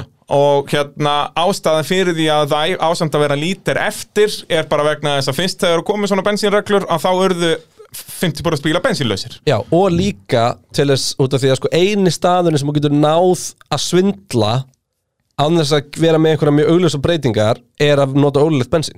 Já, þannig að þú þarft að geta sendt síni Mhm. sem er að minnstakosti 1 lítir til rannsókna eftir keppni. Og sko síni þarf ekkert að vera svona stórt en ástæðan fyrir þetta á að vera lítir eftir sem á að vera hægt að taka úr bílnum er þetta að, þú veist eins og 1986 að þá var annar hver bíl bensínlaus á síðasta út að þá var þetta bara, þú mátt nota svona mikið bensín en þú veist, núna með þessa bensínreglur þá verður að vera eitthvað eftir og, og fyrir þetta sínu og náttúrulega ólöglegt bensín er stránglega bannað. Og þetta, veist, þe- þetta munaði ekkert litlu. 0,7 lítrar af bensíni ef við tölum um það bara eins og ef að Lewis Hamilton hefði geta fengið að nota 0,7 lítra af bensíni í slagnum við Alonso hafði hann flogið fram úr á beinakamlanum að það er ekkert mál fyrir þá að pumpa meira bensínin og búa til og stærri síðan, sprengingar í síðan þessum er mótor þetta líka bara máli með þetta og ég skil alveg af hverju fólki finnst það hljóma þú veist svona og sérstaklega þeir sem er kannski nýjir Mhm. en máli er að tæknilega reglur í Formule 1 eru bara svartkvítar Já. annarkvært eftir innanregluna eða utan þeirra. Við getum þá líka satt, ég bílnans fettil var bara 700 grömmum og léttur, akkur leiður hann ekki að sleppa með það? Já, já, en en þú veist, ég bara taka það sem dæmi. Já, já, ef en þú ert er- undirvikt, ef þú ert einu grammi undirvikt, þá ert út. Já, þú veist, það er ekkit eitthvað, já, nei, þá ætlum við hlutfarslega að nú refsingu nei, það er bara Þannig að þetta er bara stjartfræðilega slæmur reiknifeill hjá Aston Martin Já. sem ætla samt sem áður að hérna, að píla, þessu Þú veist út að þeir segja að það hafi verið miklu meira bensín í bílnum Já. sem er ábygglega alveg rétt en vandamáli er að það þarf að vera á þannig Já, stað og þú veist, hvað er bensin? Er það þá í pípunum og öllu því, þú veist, eða, það, það að að á núleitni, ég segi. Þá á að vera það mikið bensín eftir að þetta á ekki að vera vesen. En á sama tíma eftir þessa keppni þá kemur hérna, eru svona 20 atvik sem af dómara þurfa að vinni Mhm. og af þeim er einhvern tæknileg. Og bæði til með Latifi og Russell voru tæknindi skoðuna fyrir þetta en það sáu þá búið að leggja út á braut. Mhm. ég velti því fyrir mér hvort að Formule 1 ætti að fara í eins regluverkur í bandaríkunum því að sko helmingurinn af bílunum hefði ekki komist í, og ætti ekki að komast í gegnum skrútinning eftir þessa keppni. Þú veist, það vantaði hálfan bílinn hjá Verstapun Já, já. Hann er ólöglegur, sko. Já, ég segi það, er ekki, er ekki bannað að keppa í keppni ekki með barnsport? Akkurat, þannig að þú veist en það náttúrulega eru sveirum og bíl má vera léttur ef að hluti þetta af honum sko. Og þú getur sínt Og fram á það þetta er allt skrifað í, í reglunar en það er munur og þetta er, það er, það er sko bandaríkin gera þetta eiginlega betur um mínum að í Indikar og svona. Þar er ekki sko eftir á bílinn dæmdur hvort hann hefur löglegur heldur en hann dæmdur löglegur í, í keppni fyrirfram. Fattar Þannig að bara, þú veist Hann fer bara inn í park fyrir megi á einhvern tíma og þar er hann skrútinar um að vera löglegur til keppni en ekki hvort hann hefur löglegur í keppni. Sem Ok. okay. náttúrulega meiri sem En Það, það það svo meika sem sens að það býr líka til fullt af hættulegu stöðun til að svindla, sko. Þú veist, en svona í svona grunnhugsunum finnst mér meika sens. En náttúrulega í bandaríkjum, þú veist, þetta er eins í NASCAR að þá fara þeir ekki um skoðun fyrir keppni bara eins og í Íslandsmótinu rally eða hver, hverju sem er. Að það er þetta náttúrulega, þetta er líka með það út af því að þar erum við með fleiri mismunandi lið að koma frá mismunandi stöðum, þú veist, þetta er ekki Formule 1 er miklu meiri svona að þeir eru allir saman í þessum sirkus eða þannig, sko. Já. Að þá er þetta meira þannig að já, þú mætir bara í, í keppni skoðun hérna á, á Já, fyrir hefur keppni með raunur þinn tíma til bíl. að laga eitthvað ef Já, það og er þá er þetta miklu meira bara svona Jón Jónsson frá Tennessee sem smíðaði sér bílinn sinn og ætlar að koma og aðtók hvort hann geti kæft Já, Já, þannig ég hins vegar að tala um Indi bara, sko. En eins og í NASCAR er það svo leiðis en í Indy þá er þetta kannski ekki alveg svo ykt en þá er þetta samt miklu meira þannig að Jón Jónsson sér að mæta með bílinn sinn heldur en að Ferrari er að mæta með bíl, skilur þú veist, þetta eru lið en, en úrnáttúrulega þar eru bílanir allir eins í grunninn, sko. Þetta Þannig að, veist, þannig að þetta er svona, mér finnst það áhugaverð pæling allavega. Já, uh, Heyrðu þessu kasta fram af einum snilling og ég bara, neða, þetta make sense. En þá náttúrulega ertu að opna fyrir þetta að menn geta þá að fara að svindla hægri vinstri Já, það þarf alltaf að, alltaf að skoða bílinn eftir á, hvort þið er ég segja það sko að gera þetta fyrir og eftir. Minna, En þeir eru basically búnir að gera þetta fyrir Þau gera það bara eftir síðustu keppni Þú veist, þú getur hort á þetta þannig líka sko. Já, já. Þannig að, ég, já, ég, þetta er á, áhugaverð pæling. Einar Þórspyr er fíja búið að rústa Formule 1 aftur? Ekkert samhengi í refsingum lengur. Uh, Mér langar bara að stoppa strax aðna og segja Jú, það er flott samhengi í reglunum að í öll skipti sem að þetta gerist síðast árið 2012 og þá í bæði Nei, skipti þetta í gerðist mér ekki tímatökum. síðast árið 2012 en þetta hafði síðast áhrif á eitthvað svona, eitthvað nafn árið 2012 Já, ok, það er einu, einu sögubækundar sem ég eh, les eru merkilegu sögubækundar þetta er, þetta er alveg algengt, sko. Já, Þetta hafi gæst Algjörlega, ég man bara eftir þessu 2012 að þá var það bæði Fettel og Hamilton sem lendi í þessu. Reiknifellin sem verður þarna er bara, þú veist, það, það eru nokkuð hluti sem geta að fara úr skeiðis Fyrsta lagi er það með þetta, þú veist, er bara Aston Martinin að fela bensin einhvers staðar skilur þú veist, og þá er ég ekki að meina að þeir séu að liðið séu að fela, heldur bara, þú veist, er bílinn að safna já. svona, er svona rosalega pípuverk eða eitthvað. Um, Hitt er að bara dælan sem dældi bensin á bílinn hafi verið bara einhvern veginn miskalibreruð það er bara fyrir vittlust magn. En það sem ég veist bara langlíklegast er að Aston Martin hefur bara aðeins glemt sér í gleðin og lift fettilega kera og lengi of Öfl- þetta of- er, þetta er reiknifill hjá Já, þetta er reiknufell sko. Það er, já, 100% Eh, Eitt reyndar sem gæti verið og það er að sko þú eigði miklu minna bensin og ring í rigningu. Mhm. og þessi keppni átti að vera fyrstu 30 mínútunar í rigningu eða eitthvað. En það fór bara allt út í raukt flagg þannig að það er spurning hvort að Aston Martin var að fara út með minna bensin Já, að keppnin átti að vera hægari í rauninni. Og þeir Já. náttúrulega hefðu ekki hugmynd um að þeir var að fara að berjast um fyrsta standi alla hringina. Akkurat. Þú veist, það venjulega koma upp og niður moment í keppni en þetta Já. er aftur reiknifill á liðinu að þeir áttu bara, heyrðu, Vettel, nú þurfum við að taka 15 ringi bara með En nú verðum við bara að sætt okkur við sko. annarsætið og Já, eða bara, þá, þú veist, gera eitthvað svona, heyrðu, tökum nú næstu 15 ringi svona en síðan ætlum við að gefa þér allt sem þú getur í síðustu 10 ringi Já, og vonust bara til okkur hægja á sig líka eða eitthvað Já, já, þú veist, þetta er bara þú veist, svona er Formule 1 og þetta er bara reiknifill hjá Aston Martin. Eh, Einar Þór heldur áfram Vettel rændur um hábjörnstum dag, hann var ekkert rændur, liðið skeitt á sig og eh, kallar til vegna ból sem hann var í aðtöp fyrir keppni, það er rétt og það er líka samkvæmt reglum, það mátt ekki verið í öðrum ból heldur en þessum ákveðnum, en En við verðum gerði hins vegar FIA gerði rétt að hann var ekki dæmdur fyrir það, hann var bara áminning á hann Já, eh, sem fyrir er það samt líðilegt sko Já, já, og eins og tölum á þann að hef- hefði verið sniðut fyrir fíja að, að í rauninni bara minnast á það en ekki gera neitt ofinberlega er Reisa Swan sem sagt ekki fyrir hins einn reyfinguna og aftur þá er það ekki fíja sem eru Er, er Reisas þarna. von ekki bara fyrir Hamilton? Jú, hann, hann, hann reisar svo sannarlega sem einn og, og fer á stað þannig. Uh, Einn skemmtileg keppni og þetta var í dag er ég svo eini sem er hrikalega vonsökinni með allt off-track dramað eftir keppni. Nei, þú ert það ekki. Nei, Það það er allir af fólki. með oftrækt drama En það og ég og held ég að við séum að líka. En ég hins vegar er ekki hlindið því. Það sem ég var í brjálar yfir akkur núna var að Fettil hefði ekki fengið refsingu fyrir klárt brot. Já, þá var ég fyrst brjálæður út af þá geti ég sagt nú er ekkert samhengi út af því að við höfum séð margóft að menn hafi verið diskvalifæðið fyrir Já. að vera bensínlösi Og þú veist Ég er búin að sjá marga kalla eftir því að Bottas ætti að fengi þingri refsingu hvað er þingri refsing? Á hann að fara í bann fyrir að gera mistökinu Svo fyrsta aftur byggi? bara, 2012 tímabilið Michael Schumacher gerir nákvæmlega saman bombar aftan á Senna nema þá var það í rauninni ekki jafn blatant myndi ég segja út af því að þá Schumacher meira segja sagði að þetta væri Senna að kenna eins og Schumacher einu með lagið að hérna bombar aftan á hann bara fyrir fyrstu beigju Barcelona bara á, sem sagt og hann hérna Schumacher talaði um að Senna hefði bara verið að hreyfa sig á bremsusvæðinu og eitthvað sem var tómt þvæla og þá fær hann fimmstandarefsingu fyrir viki ræsir hann ekki á ráspól í Monaco sem er keppnin eftir, út af þá náða ráspálum fekk síðan fimmstandarefsingu þannig að hann hefði sennilega unnið sína fyrst og einu keppnum með Mercedes þannig að hann ekki bombað aftan á Bruno Senna. Já. en þá er það sama, veist, Bruno bara Senna? Mhm. Já, þú ert að Þú varst að tala um Bruno Senna. Já. Mér fannst þú að tala um 92 en ekki 2000, hérna, 2012 Já. Nei, þetta er Bruno Senna Vá, og þú sagði Schumacher og Senna þá hugsa ég ekki einu sinni já, já, ég sagði bara Senna, já, Já. alveg rétt já. Ég var pínu mislíting Já. En Senna er ekki, 2012. Bruno Senna er ekki Senna En byrjaði ég ekki að segja þetta var 2012 Öruglega, ég heyrði bara 2000, nei, hérna 92 Já. með Senna og ég var hann að muna eftir þessu atviki En og svo var bara, 2012. vann eina sigur sem er Mercedes ég bara, Býtu, var, var Schumacher að Mercedes 92? Tók hann Mercedes hann í millitíðin? Ja. Nei, en það er þess að þetta var 2012 Já, og ok. þá er það aftur 5. refsing Þú veist, þetta er allt, fíja eru bara að standa sig vel Það er bara fólk þarf aðeins að eins leðilegt og mér finnst að segja það bara, þið eru allir fáið og kunni ekki reglurnar en þið eru allir fáið og kunni ekki reglurnar nei, það er ekki alveg þannig Nei, Ég- nei. Sko, ég er búin að kvarta yfir misræmi nokkuð já, og það eru margir búin að kvarta yfir því. Og við höfum alveg gert það En hér það vandamáli er að síðan núna. þegar FIA actually kemur fram og segir, ok, þú veist, menna, hvernig viljum við hafa þetta?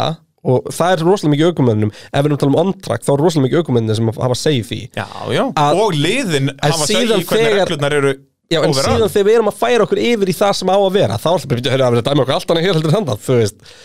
Já, það var misræmi og heimska mínumati í Östuríki Já Og Ég það er- sagði að mér þætti, ég er búin að halda ég fram að mér þætti refsingin á Hamilton í Breitlandi bara nokkuð eðlileg. Ég hefði ekki, ég hefði ekki mér hefði þótt óreittlátt að það ekki verið neinn refsing en ég hefði ekkert mist andlitið. Nei, og ég, mér hefði heldur ekkert ég hefði heldur ekkert mist að, jú, satt stop and go þú veist, ekki verið Já. svo að sjá stop and go fyrir fárlega hluti í þessari kemni en það er bara, reglurnar segja þetta og það verður að fara eftir. Og í rauninni, þar sem við höfum séð uh, misréttið að þannig, það er í þessum on-track uh, klessu keislum og það er svo sem alveg þú veist, af það er allavega þá erfitt að dæma það, þannig að maður skila það pínu þannig en samt, þú veist, af þessu hefur verið glórulaust. En með allt þetta, þú veist, eins og vetteldæmið og, og þarna aftan á keislunum, þú veist, við höfum séð þetta allt nákvæmlega áður. Þú veist, þetta er bara svartkvít, bara um leið og ég heyrði að það hefði ekki nást fjúlsampul og bílum að Já. þá vissi ég bara hann var út. Já, 100, já, alveg rétt, ég sendi þér frétt þarna Ja. sem að, sérst, það er þetta áður en það voru official og þú sendið tilbaka bara, já, hann mun dett út Ja. bara, út af við höfum séð þetta margóft að Ja.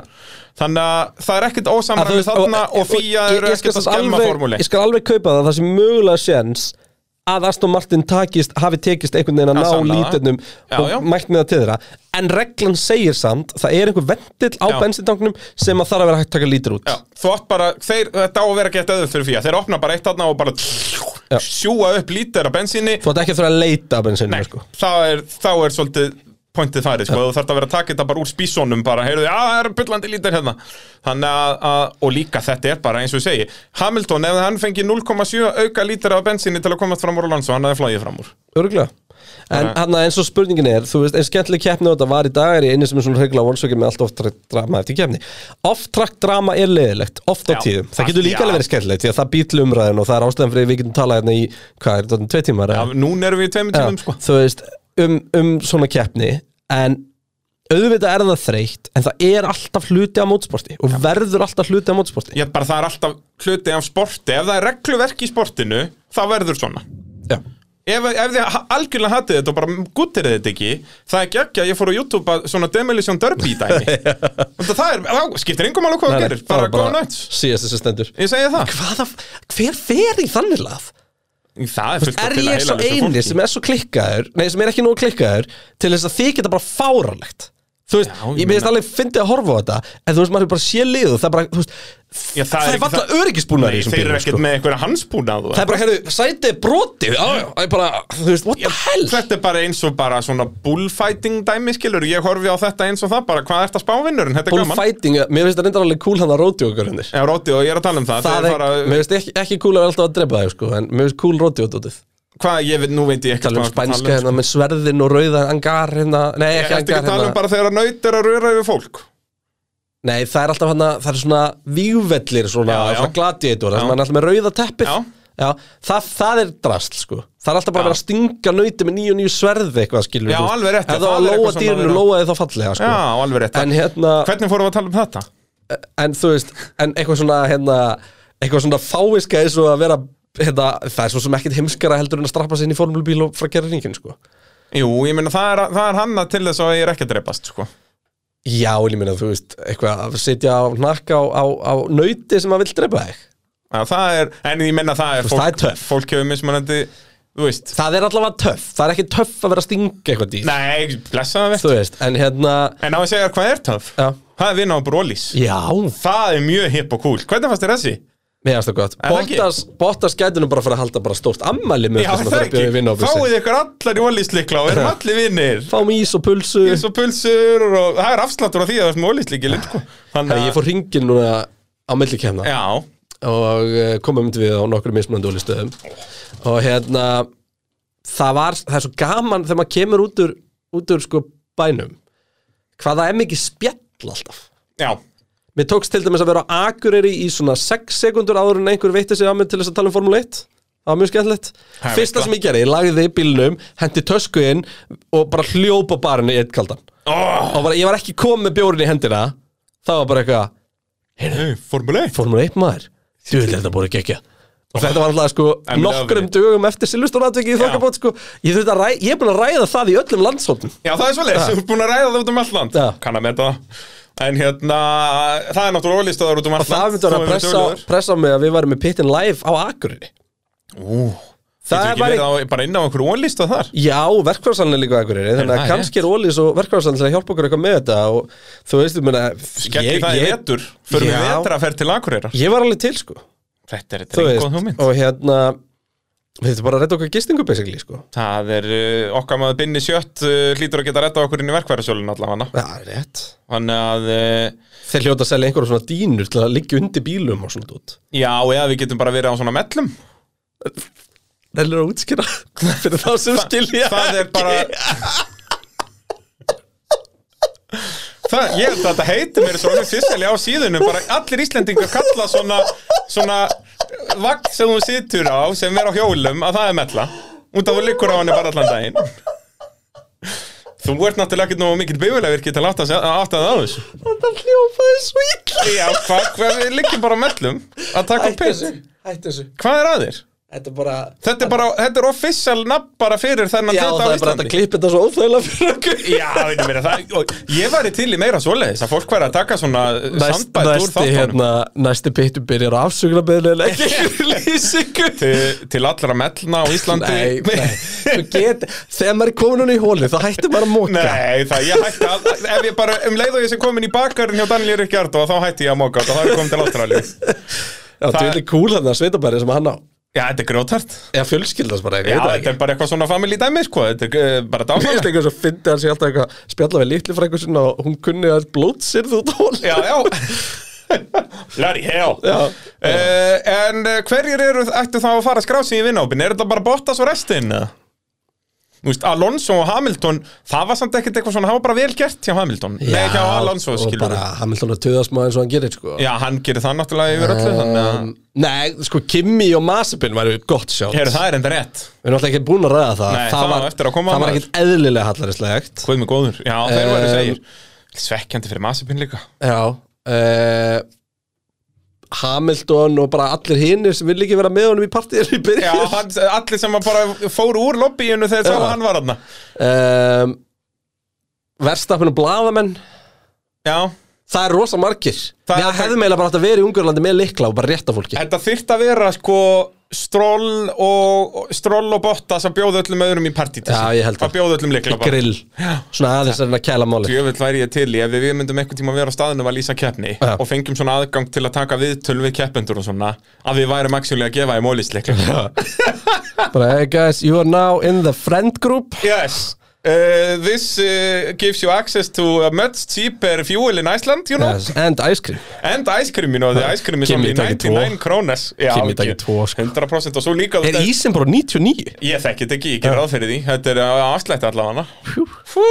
En hérna Síðan veist að maður var með liðstjóra eða eitthvað, taka við tóra Tóta Volvo eitthvað, myndum við gefa honum skiluru verkfæra settum frá Milwaukee skiluru og segja you need to give the guys this so they don't make any fails. Já, við erum mjög vinsalega með alls konar product það placement inn í formúli Það er Svona sellir eins og- að þegar þegar Fettel vildi ekki fara upp í liftarluti á Manitou hann Já, ég fyrir bara upp í Jósef P. Snert ekki á þessu. Hérna En uh, uh, uh, Já, bara minnum alla á að hoppa inn á olis.is og skrá sig í vinnahópin undir hérna, ég var að nota kóðan eða það heitir, hvað heitir það eftir? Hópur, Hópur, já, pittur, pitturinn. skrifaru pitturinn Þetta er Yes. ekki eitthvað svona velur og verður að skrifa Það farið um auka afslátt sko. Það er, þetta er eintóm hamingja Og Eh, síðan í stuðningu verki Nákvæmlega, Williams eru komnir upp í áttunda sæti. Herru, how we? Og með tíu veist, þeir eru ekkert að fara að missa Sástu þetta. Russell Elsku kallinn.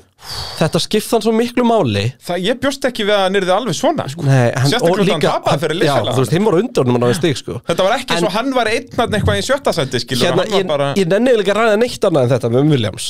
Já, já, En bara þegar að skilabóðin koma frá Russell bara fórnið mér. Þetta er svakalett þessi gæði svo marga punta af mér. Já, bara, þetta voru fallegustu skilabóð bara sem ég hef séð þetta var geðveikt. Ég er, að, ég er að reyna að googla, sko, ég sagði það í útsendingunni að þetta er, það er saga frá eh, sjötta áratögnum, þegar breskur ökumar að kera fyrir Ferrari. Og ég man ekki nafnið á þessum breska ökumanni það sem með er, Fangio. Hann var með Fangio í liði, það er, það er svo sem fínt, við þurfum ekkert að munna nafni, ég kem með það sí- síðar, í einhverju söguhóðninu minni minnast á hann aftur. Hann var að keppa með Fangio í in the 50s og uh, í þá daga var það oft sko ef að Fangio, þess að aukumaður nummer eitt, ef hann datt út, þá var bara stoppaður bíl nummer tvö. Peter Collins. Peter Collins hárrétt hjá þér. Að e, það var bara stoppaður bíl nummer tvö og sagt, og- já, kontinni pitt og þá myndi okkur maður eitt fá þann bíl. Og þá máttur skipt um bíla alveg hægri vinstri. En þarna er sérst Fangio og Peter Collins að berjast um titil. Uh, Peter Collins uh, fer hún að þjónustasveði bara þegar að keppnin er halvnuð eða eitthvað og sér Fangio bara sitjandi á bekka reykja smelli bara löðrandi letur og uh, spyr bara, ah, Fangio, hvað ertu dottin út eða? og Fangio bara, já, já, já, ég er dottin út. Og Peter Collins bauð honum bílinn sinn. Það var ekki, þannig, Ferrari voru ekki að þvingan til þess. Og Peter Collins átti ennþá alveg möguleika á titlið þarna. Þetta veist reyndar kannski ekkert mjög raunhafa möguleika en skilur þarna á þessum tíma voru nú bílar mikið að dett út og svona. En hann bara sagði, heyrðu nei Fangio, þú ert okkur nummer eitt hérna, taktu bílinn minn og náði titiliðin, sem að Fangio svo vissulega gerði. Já. þannig að eh, og það er áhugavert að hann var rekin frá Ferrari eftir að hafa viljandi skemmt kúplingun í bílnuðinum bíl sem hann sem sagt var að deila með Mike Hawthorne í 24 hérna í Le Mans. Le Mans. Uh, frekar heldur en að keppa inn í einhvern storm. Já, hann tók svona Nicky Láta á þetta Og, hann var, vissi náttúrulega Ferrari myndi og hann ekki taka það mála. fannst drekkandi á pub í Englandi áður en keppni var búinn. Hvað, þetta er þá bara 55 eða eitthvað? uh, Mike Hawthorne náttúrulega deyr bara þarna svona í kringum 60 sko. Ég held að hann þetta unnið fyrir Jaguar uh, Le Mans eitthvað tíman, Mike Hawthorne En þetta hlýtur að vera 50s eitthvað held held ég ekki 58 sem er. Gæti verið, þetta er bara hann 10 árum áður en hann fór til deyr Ferrari. 58 Hann deyr 58 Collins, það að hérna, það er nefnilega mál út. Þarna var talað um það í blöðunum sko, já, hann er ennskur sentilmaður að ferða, gefa Fantí og titilinn. Og svo töluðu allir um, sko, já, en hann verður nú framtíðar meistari sjálfur, þannig að hann mun alveg vinna titilinn á endanum, en uh, hann uh, dó svo í slissið þarna, þannig að uh, hann náði ekki að vinna titil sem hann átti svo sannlega skilið eftir þessa hegðun og, og þetta svona moment myndi mér svolítið á Russell atvikið. Já, þó að svona Russell atvikið er svona 2021 útgáfan af já þessu svolítið minna. En já, þetta var ekkert smá fallegt bara að heyra. Og Williams náttúrulega bara uppskýra þarna og bara loksins, loksins Williams í stigum og ekki nóg með að fóðu stig að fóðu hvað, átta stig? Tíu? Hvað Tíu stig, Já, fjögur og sex. Og fóru svo upp í, já, voru með fjögur og tvö en eftir að fellið dæmdur út að fara upp í tíu? Já. Ótrúleg bara. Og það, eins og ég segi, þá, þá er bara þetta 8. sendi garantera, sko, Alfa Romeo eða Haas er ekki að fara að fara í 10 stig neist annars, sko, Nei, öllu lengindum ekki. Það er mjög ólíklegt. Já, en þú veist, það var Og líka þó mjög Alfa ólíklegt að Romeo Williams myndi getur- fá tíu stig. Já, reyndar, Alfa Romeo átti alveg eins möguleika á þessum 10 stigum, sko.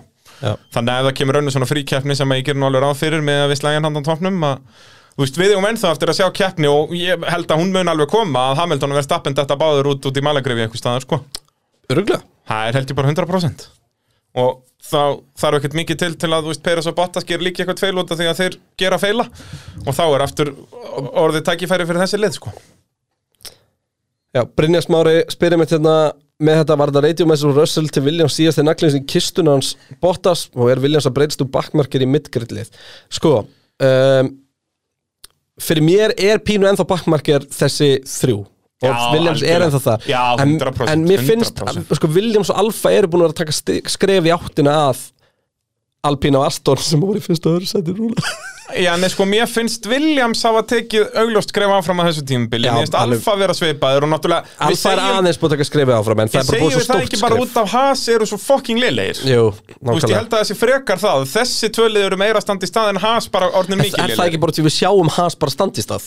Þá vitum við hvað það er að standa í stað. Já, reyndar. Þetta er svo magna hérna með þessa Formule 1 íþrótt sko. Hvað þróunin er svakaleg Haugur Sindri spil klúraði Viljans að auka stigum með því að pitta Latifi svona snemma nei, Latifi þurfti að verjast þeim sem voru að pitta bak við hann og hefði bara svifið framúrunum á þjónusvæðinu sko. Þetta er í rauninni Hamilton sem triggerir þetta allt sko. En hann endar síðan á að stoppa náttúrulega. Hamilton tryggjar þetta og hver var það sem kom svo aftur var það Sainz? eða? Nei, hver var það? Nei, það var, uh, var það svo ekki Alonso og hann endar á að stoppa aftur Uh, nei, stoppa Alonso bara einu sinni. Þetta er, þú veist, Verstappen, nei, Ricciardo. Lapptjartið er svo stygt eftir þess að Þetta keppni er sko. Ricciardo sem er í kringum þá. Ricciardo stoppar hann bara 21. að öðrum ring mm, Það er Rækonen stoppar snemma og Hazardin stoppar snemma. Já, Rækonen, hann fyrir fyrstur Það er örgulega, nei það er bara fyrir drive-thruið. Nei, hann er tíu drive-thruið eða drive-thruið eða hvað sem það var. Já, það var Ricciardo sem fyrir kringum Hamilton og, og, og Verstappen. Það er bara svo leiðins Já, Eigum það er um- Ricardo fyrstur Nei. Jú, það er Peres, Ricardo Nei, Verstappen, Ricardo Já, og svo Latifi, já, já. veist, Hamilton fyrir fyrstur, Verstappen eldir hann Það kemur bara inn, inn hann hann um, inn eitthvað en maður sjá, er þetta ég er að reyna að lesa eitt nú þessi tablu svo steikt. Sko Latifi fer samt ekkert svo snemma inn. Þá fæ ég mér bara nóga serious leik Latifi fer inn á eftir sko hérna Sonoda á eftir Russell á eftir Ricardo og Verstappen. Þú veist, þeir eru allir konur inn á undanum sko. Já, þannig að, já, áhugavert. Uh, Alfa Romeo. Já. Uh, Það er alltaf bara eiginlega sko, þar var svolítið skrítið að Giovanazzi fekk þingri refsingu fyrir að keira aðeins og hrattinn á þjónustöðinu heldur en Rækonin fyrir að taka masabinn út í keppni það fannst mér skrítið Stjóvanazzi refsingin er náttúrulega bara svona standardrefsing Já, ég veit það, en, En- það var samt það byggjaði ekkert sens því að það sem Rækonin gerir bjótið svakalega hættunum þjónustöðinu sko. Já, mér finnst að Rækon hefði bara alveg mátt fá sömu refsingu sko. Já, samanlega að, Þú veist, unsafe release er yfirleitt þarna eitthvað ákveðið en, en þarna er þetta bara og sérstaklega undir þessum aðstæðum en þá er spurning Þú veist, eigum að dæma þannig? unsafe release þannig Nei, já. En hérna, sástu samt hvernig þetta brotnaði á bílum með masabinn Já. Bara Brotnar- út, bara töppið brotnaði. Já, það er ekki spinnan sjálf, þetta er mjög skringilegt Ég sko. hef aldrei séð það þér og þetta er handa þannig að spinnan eða brotna svo bílinn sé í lægi, skilur en, en já, einkennilegt hvernig þetta brotnaði þannig hjá honum en, en já, bara glórulaust í rauninni, sko. Og, og í rauninni Kimi gerði ekkert rátt, þetta er bara liðið aftur. A- að Þetta er kannski bara ágætist transition yfir í hérna yfir í, yfir í has Já, Óli Jón spyrir nú annars verið til í meiri umræðu um minnun og refsingu hjá Kimi og Já, Giovanazzi veist, við vorum að alltaf bara að fann segja en annars lítið að frétta nema Kimi nær hann í stig þá undir lokin. Já, en, að veist, en hversu pyrrandi fyrir en hversu pyrrandi fyrir Kimi og Gio að vera að skýta svona svaðalegi degið á öllum öllum stöðum í þessari keppni? Já, akkur, við tölum alltaf um þetta. að koma þessar keppnir þegar þessi liði á möguleika góðum stigum Já. þá skiptir svo svakalega máli að allt síðan leið Þú veist, Williams er yfirleitt liðið sem væri eins og Alfa Romeo var í dag. Einmitt. En núna loksins nýrist það við og það er kannski líka bara fer fyrir Williams og loksins er hefnin með þeim. Var áhugað að vita hvað það rösslum ykkur útbroti eða eitthvað með öllu þessi stig á bakinu? Já, það er- það hlýtur að vera alveg að drepast í njánum Kíkjum á, yfir á Haas Jeps. og Nikita Mazepin þar 19. í tímatökum. Schumacher náði ekki að taka þá tímatökum eftir að hafa krassað í FP3 en er ekki bara eina sem við þurfum að ræða hérna er bara sama og eh, er verið að spyrja. Ykkar álita Mick Schumacher, hvernig hann að halda tíundasæti á þessa ringi, það er Jóhann Gilvi svo sá ég með einhvern annan sem spurði bara út í hvað okkur þætti um hérna varnaraksturinn hjá honum. Og ég minna hann er að berjast þannig við Hamilton hann er að berjast við Verstappen. Já, já, og er bara að gera virkilega gott mót. Bara grimmur og flottur. Já, já, er, það var snertingu Verstappen Já, tvisvar, sko. sko, þetta var bara grjótart bara hann bara kom rosalega skemmtilega óvart og bara verið gaman að sjá hann halda áfram og, og eins og, Bara Otto þessi keppni kom mjög vel út fyrir Schumacher, hann enda tólti og bara einmitt, flottur sko. og eins og Otto Valur spyrir hérna fyrir mikið betra liðið til sísunið eigur sölugildur flesta liða, er rétt og það kemur rosalega óvart ef Mikk færi ekki Alfa Romeo Já, mér finnst bara magnað að hann hafi ekki farið ánga núna sko. Já. Ég skil byggum- ekki af alltaf í- er ennþá í Formule 1 sko. Ég fatt hann það ekki ítalskur kappasökumar hjá ítalskur liði Já, og dæmi, já. og hann er að gera alltaf hluti Já, já, hann er að gera allt í læg hluti, það er alveg rétt. En þess vegna finnst mér ekki að vera í Formule 1 Já. bara út af hann að gera allt í læg hluti. Þegar hann er í þessu sæti sem að Þú veist, ætti að vera að bjóða þessum ungu efnilegu út af, Joe- Við vitum alveg núna að Giovanazzi er ekki að fara neitt lengra í Formule 1 Nei. skilurðu. en, en ég skil það með ítölsku tengingu það svolítið. Um, já, það er eitt sem ég glemd að nefna með Red Bull. Já, já, og það er slæmt fyrir Red Bull. Þeir, sérst, ákveður hana eftir þriðju æfingu að þeim líst ekki alveg nægilega vel á mótorinn í bíl verstafinn alveg rétt. Og setja nýja mótor í. Sá mótor tjónaðist í krassinu Nei, Jú. Það er skellur. Gætu þetta verið þá refsingar í næstu kefni? einhvern tímann á tímbilinu, já. Spurning, sérst, þeir fá ekki refsingu núna út að setja ekkit uppfært í hann, setja bara nákvæmlega eins mótor Ja. var í honum og í sem segir okkur það að það kemur ekkert meina frá Honda á þessu tímbili Já, nema, það er alltaf komið með eitthvað núna í sumafríin hann má ekki uppfæra Nei.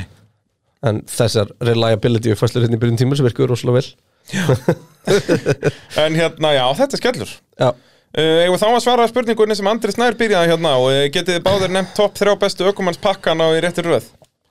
Sko, Öku, Hvað á hann við með ökumannspakka? Er það bíl og ökumaður? nei, en ekki að tala um aukumennina tvo? Já, sérst, í, í Sérst, liðunum. Hamilton og Bottas. Verstappen og Peres. Ok, ok, ú, ég er til í það. Á ég að byrja. Já, Efst í ökumannspakka set ég Ferrari. Í öðru sæti í ökumannspakka set ég þetta er erfitt maður. Mm, Já, mér langar ég er að flörta við sko Aston Martin jafnvel sko. Nei. Nei, samt ekki. Ah, rólegur Ekki í öðru sæti allavega sko, í öðru sæti ég myndi alltaf taka Ricardo fram yfir Stroll sko. Já, og já, og Norris fram með Vettel, já. Uh, McLaren í öðru er, Og- við, við erum búin að vera að hengja Ricardo sko. Já, en við erum þá getur alltaf að alveg eins bara sett aðeins núna. Verstappen að nóti að hann er bestur sko eða Hamilton í hann er bestur. Já, já, ha, ég, það er rétt. Mercedes McLaren hef ég þetta. Ferrari Mercedes McLaren. Býtu, hvað var þeim Peres a- a- elskandan Braga bíhund uh, Chihuahua ég, Þorðarsson ég hef alltaf verið að tala um að mér spottas betur en Peris Er það ekki? Nei. Ok. En ég geri það núna allavega. En þú veist, ægi neif, samt Verstappen og Hamilton maður veit ekkert hver er betri, skilur og Peres og Bottas eru svipa á vonlega sér Þetta er off-season þáttur sem við þurfum að taka það fyrir sko, því að við getum örgulega verið að bulla henni í hálftíma Já, sko. Á endanum verður fram. örgulega bara konum með Mick Schumacher og Nikita Mazepin þeir eru svo Ég- spennandi og eru ég held alltaf það. jafnir á þessum bíl alltaf við 1920 sæti þannig eru augljóslega ná öllu út í bílnum Hentu þínu fram um, Samt það er skrítið að mér hafa Ferrari fyrsta út af því að þú veist Hamilton og Verstappen eru betri en skilur og þó að þessi með lélega nummer 2 þá er samt einhvern veginn En sko, ef að þeir fá báðir ef að Leclerc fær nýju einhvern og, og hérna Sainz Sainz 8 fær 8,5 Já. þú veist, þá Það þeir er með 70,5 í einhvern sko. og meðan að skilur Verstappen með 10. 10 og 4 eða eitthvað Já, það er svolítið þannig núna veist og eins með Peres, ég minna hann er ekki að gera neina Nei. glóriður sko þannig ef við að- ættum að ranka þetta þannig já, að þá eru Það Ferrari þyrftu sennilega eiginlega þetta. tíma til að setja upp sko. Nei, nei, en svaraði spurningunni, Christian sko, ég held að Ferrari sem er jafn besta pakkan en ég er ekki endilega samfærum um það sem leiðin til að vera heimsmestari Nei, enga veginn, við séð það margótt þetta, þetta gætur í djöfisins vesen sko. Já, Kimi Rækonen var mestari 2007 bara út af því að McLaren voru með besta aukumannspakkan. Bara, það er eina ástæð Ein ástæðan sko. Já, já. Þannig að þú veist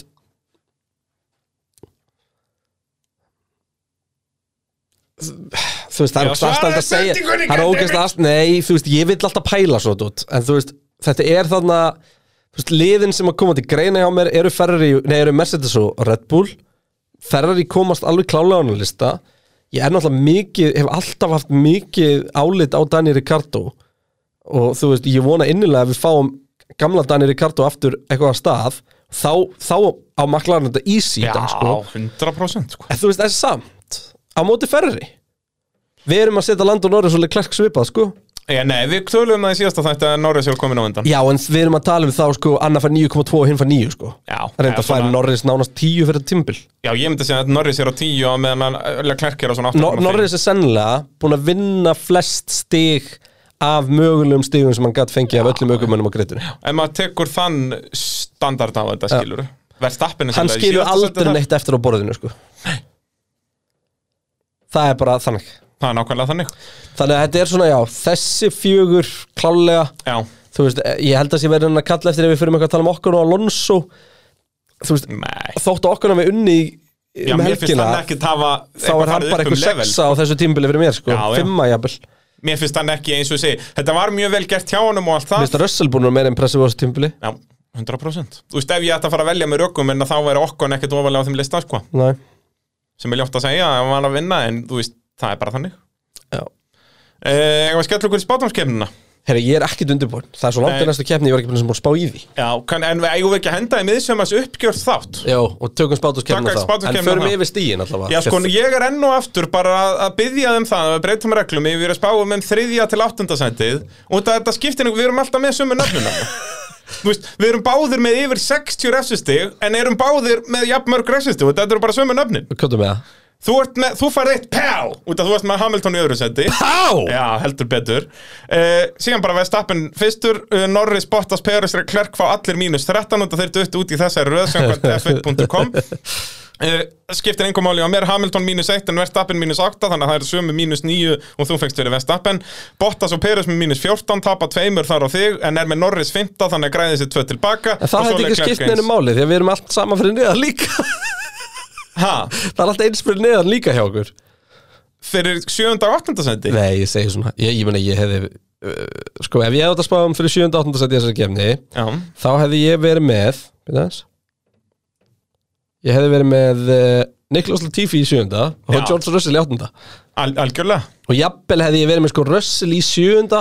Og Verstappen í 8. Já, já Nei, nei. Verstappen enda 9 Já, já, já, já, hefði ég hefði verið með. Latifi í 7. og Russell í 8. Já. ég fæ pá þar Já, 100% Það er, þú veist, það leit allan tíman út að að Williams væri þarna í 7. 8. Já, með bara 10 stig. garantera. Já, já, 100% Ég var svo nálægt í að setja Okkon í fyrsta þegar vorum að spá fyrir um þessa kemni síðan sko. Bara, ég hugsaði, ok, Okkon eða Hamilton Nei, nú tekur Okkon þetta, það hlýtur að vera Já, og en, að, nei, Hamilton hefur alltaf verið góður í Ungarlandi Já, það var það, ég set Okkon næst í, fyrsta þetta Svekkjandi verið Hamilton að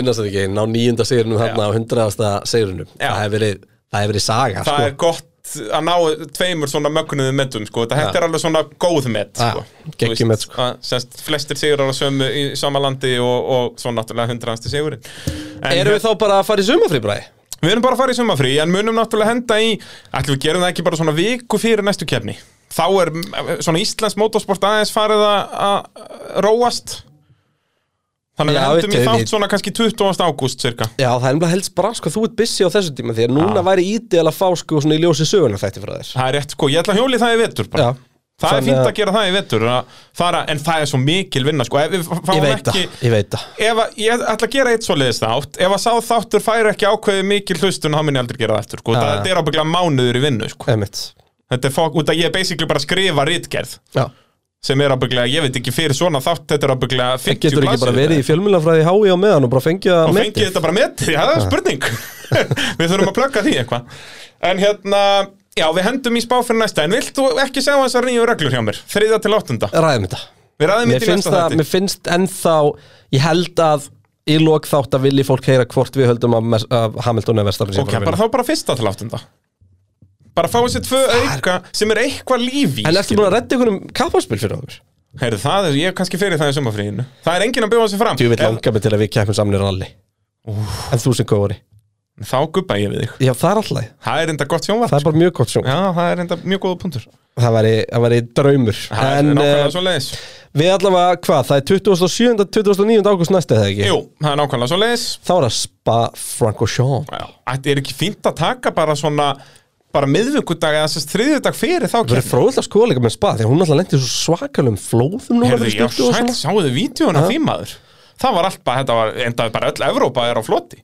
Þetta var alveg magnað sko. Það er rusalegt Bara rauðavarsbeigjan var bara orðið stöðuvatn. Já, Það og pitturinn var bara á floti og bara þetta var svaka Já, og Rús er svo skýrði eftir pínu litlum læk sem rennur neðust sem er svona alveg bara, það er alveg Svona það, þú, þú þarft að vanda þig við að pissi en nú þannig það lítið já, já, já.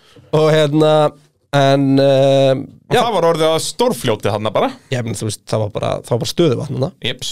Þannig að allavega það verður áhugavert og svo náttúrulega fyrir við beint þaðan til Sandvort Ó, og svo Holland, Monsa maður. Þá fáum við sprekkja Ég saknaði pínu sprekkja Já, algjörlega. Þetta er Sem að geggjað held ég- format. sem að ég held að sanni það að þetta sé komið til að vera. Þetta var, þetta, Ég myndi þú það veist, líka ef að það hefði verið sprettkeppni þarna sérst að þetta hafi verið sprettkeppnin að gritti það hefði verið þarna þá hefði þið fengið basically reverse grid og þá hefði náð að gera við bílinn hjá verðstappen allir þeir sem dutt út hefði bara rest Já, aftast meina það, að þetta hefði komið, já, þetta er náttúrulega ekki gerst að það var á fimm, hefðu Já, á já, samtíma bara Já, ég að- fatt að þig, Já. ef, og hefði. Ef og hefði sko. Já, einmitt. Það hefði verið veistla, ég er ennþá að býða eftir þannig að við fáum þannig sprintkeppni þar sem allt fyrir steik í fyrstu beigju þannig að Það er það að býða eftir, ég er alveg búin að horfa eina að Já, já, keppni. ég er ennþá að býða, ég er búin að horfa á 20 ringi af sprintkeppni og er ennþá að býða eftir þessu. Voru ekki með þess að bara 17 Jú, eitthvað svo leiðis, það er löng brautin En við fáum allavega sprekkjafni aftur á Monza og uh, já, bara takk fyrir að uh, hlusta og horfa. Bræði kom með F1 2021 og og uh, ég 5 get fara að ræða það í næstu þáttum Já, og við kannski reynum að hendi í eitt stream. Ég skal, nú er Game TV að fara aftur í gang. Ú. og fyrir það sem ekki vita, og ég er náttúrulega hluti af Game TV hópnum og við streymum alltaf á mánu og þannig að það er alltaf græði til staðar þannig að það er lítið máli að henda sér gang Þannig ég Það get er bara- orðið gamerboy bara og ég að fara að kaupa Mountain Dew og, og fara að fjárfist í, í bitcoin og eitthvað það. Ertu ekki búin að því? Nei, ég er ekki orðin það mikil gamerboy, ég var bara að kaupa tölvurna á, á föstudaginn, Ah. haldt á höstónu þínum Hendum okkur í þetta og við sjáumst aftur hér fyrir Spa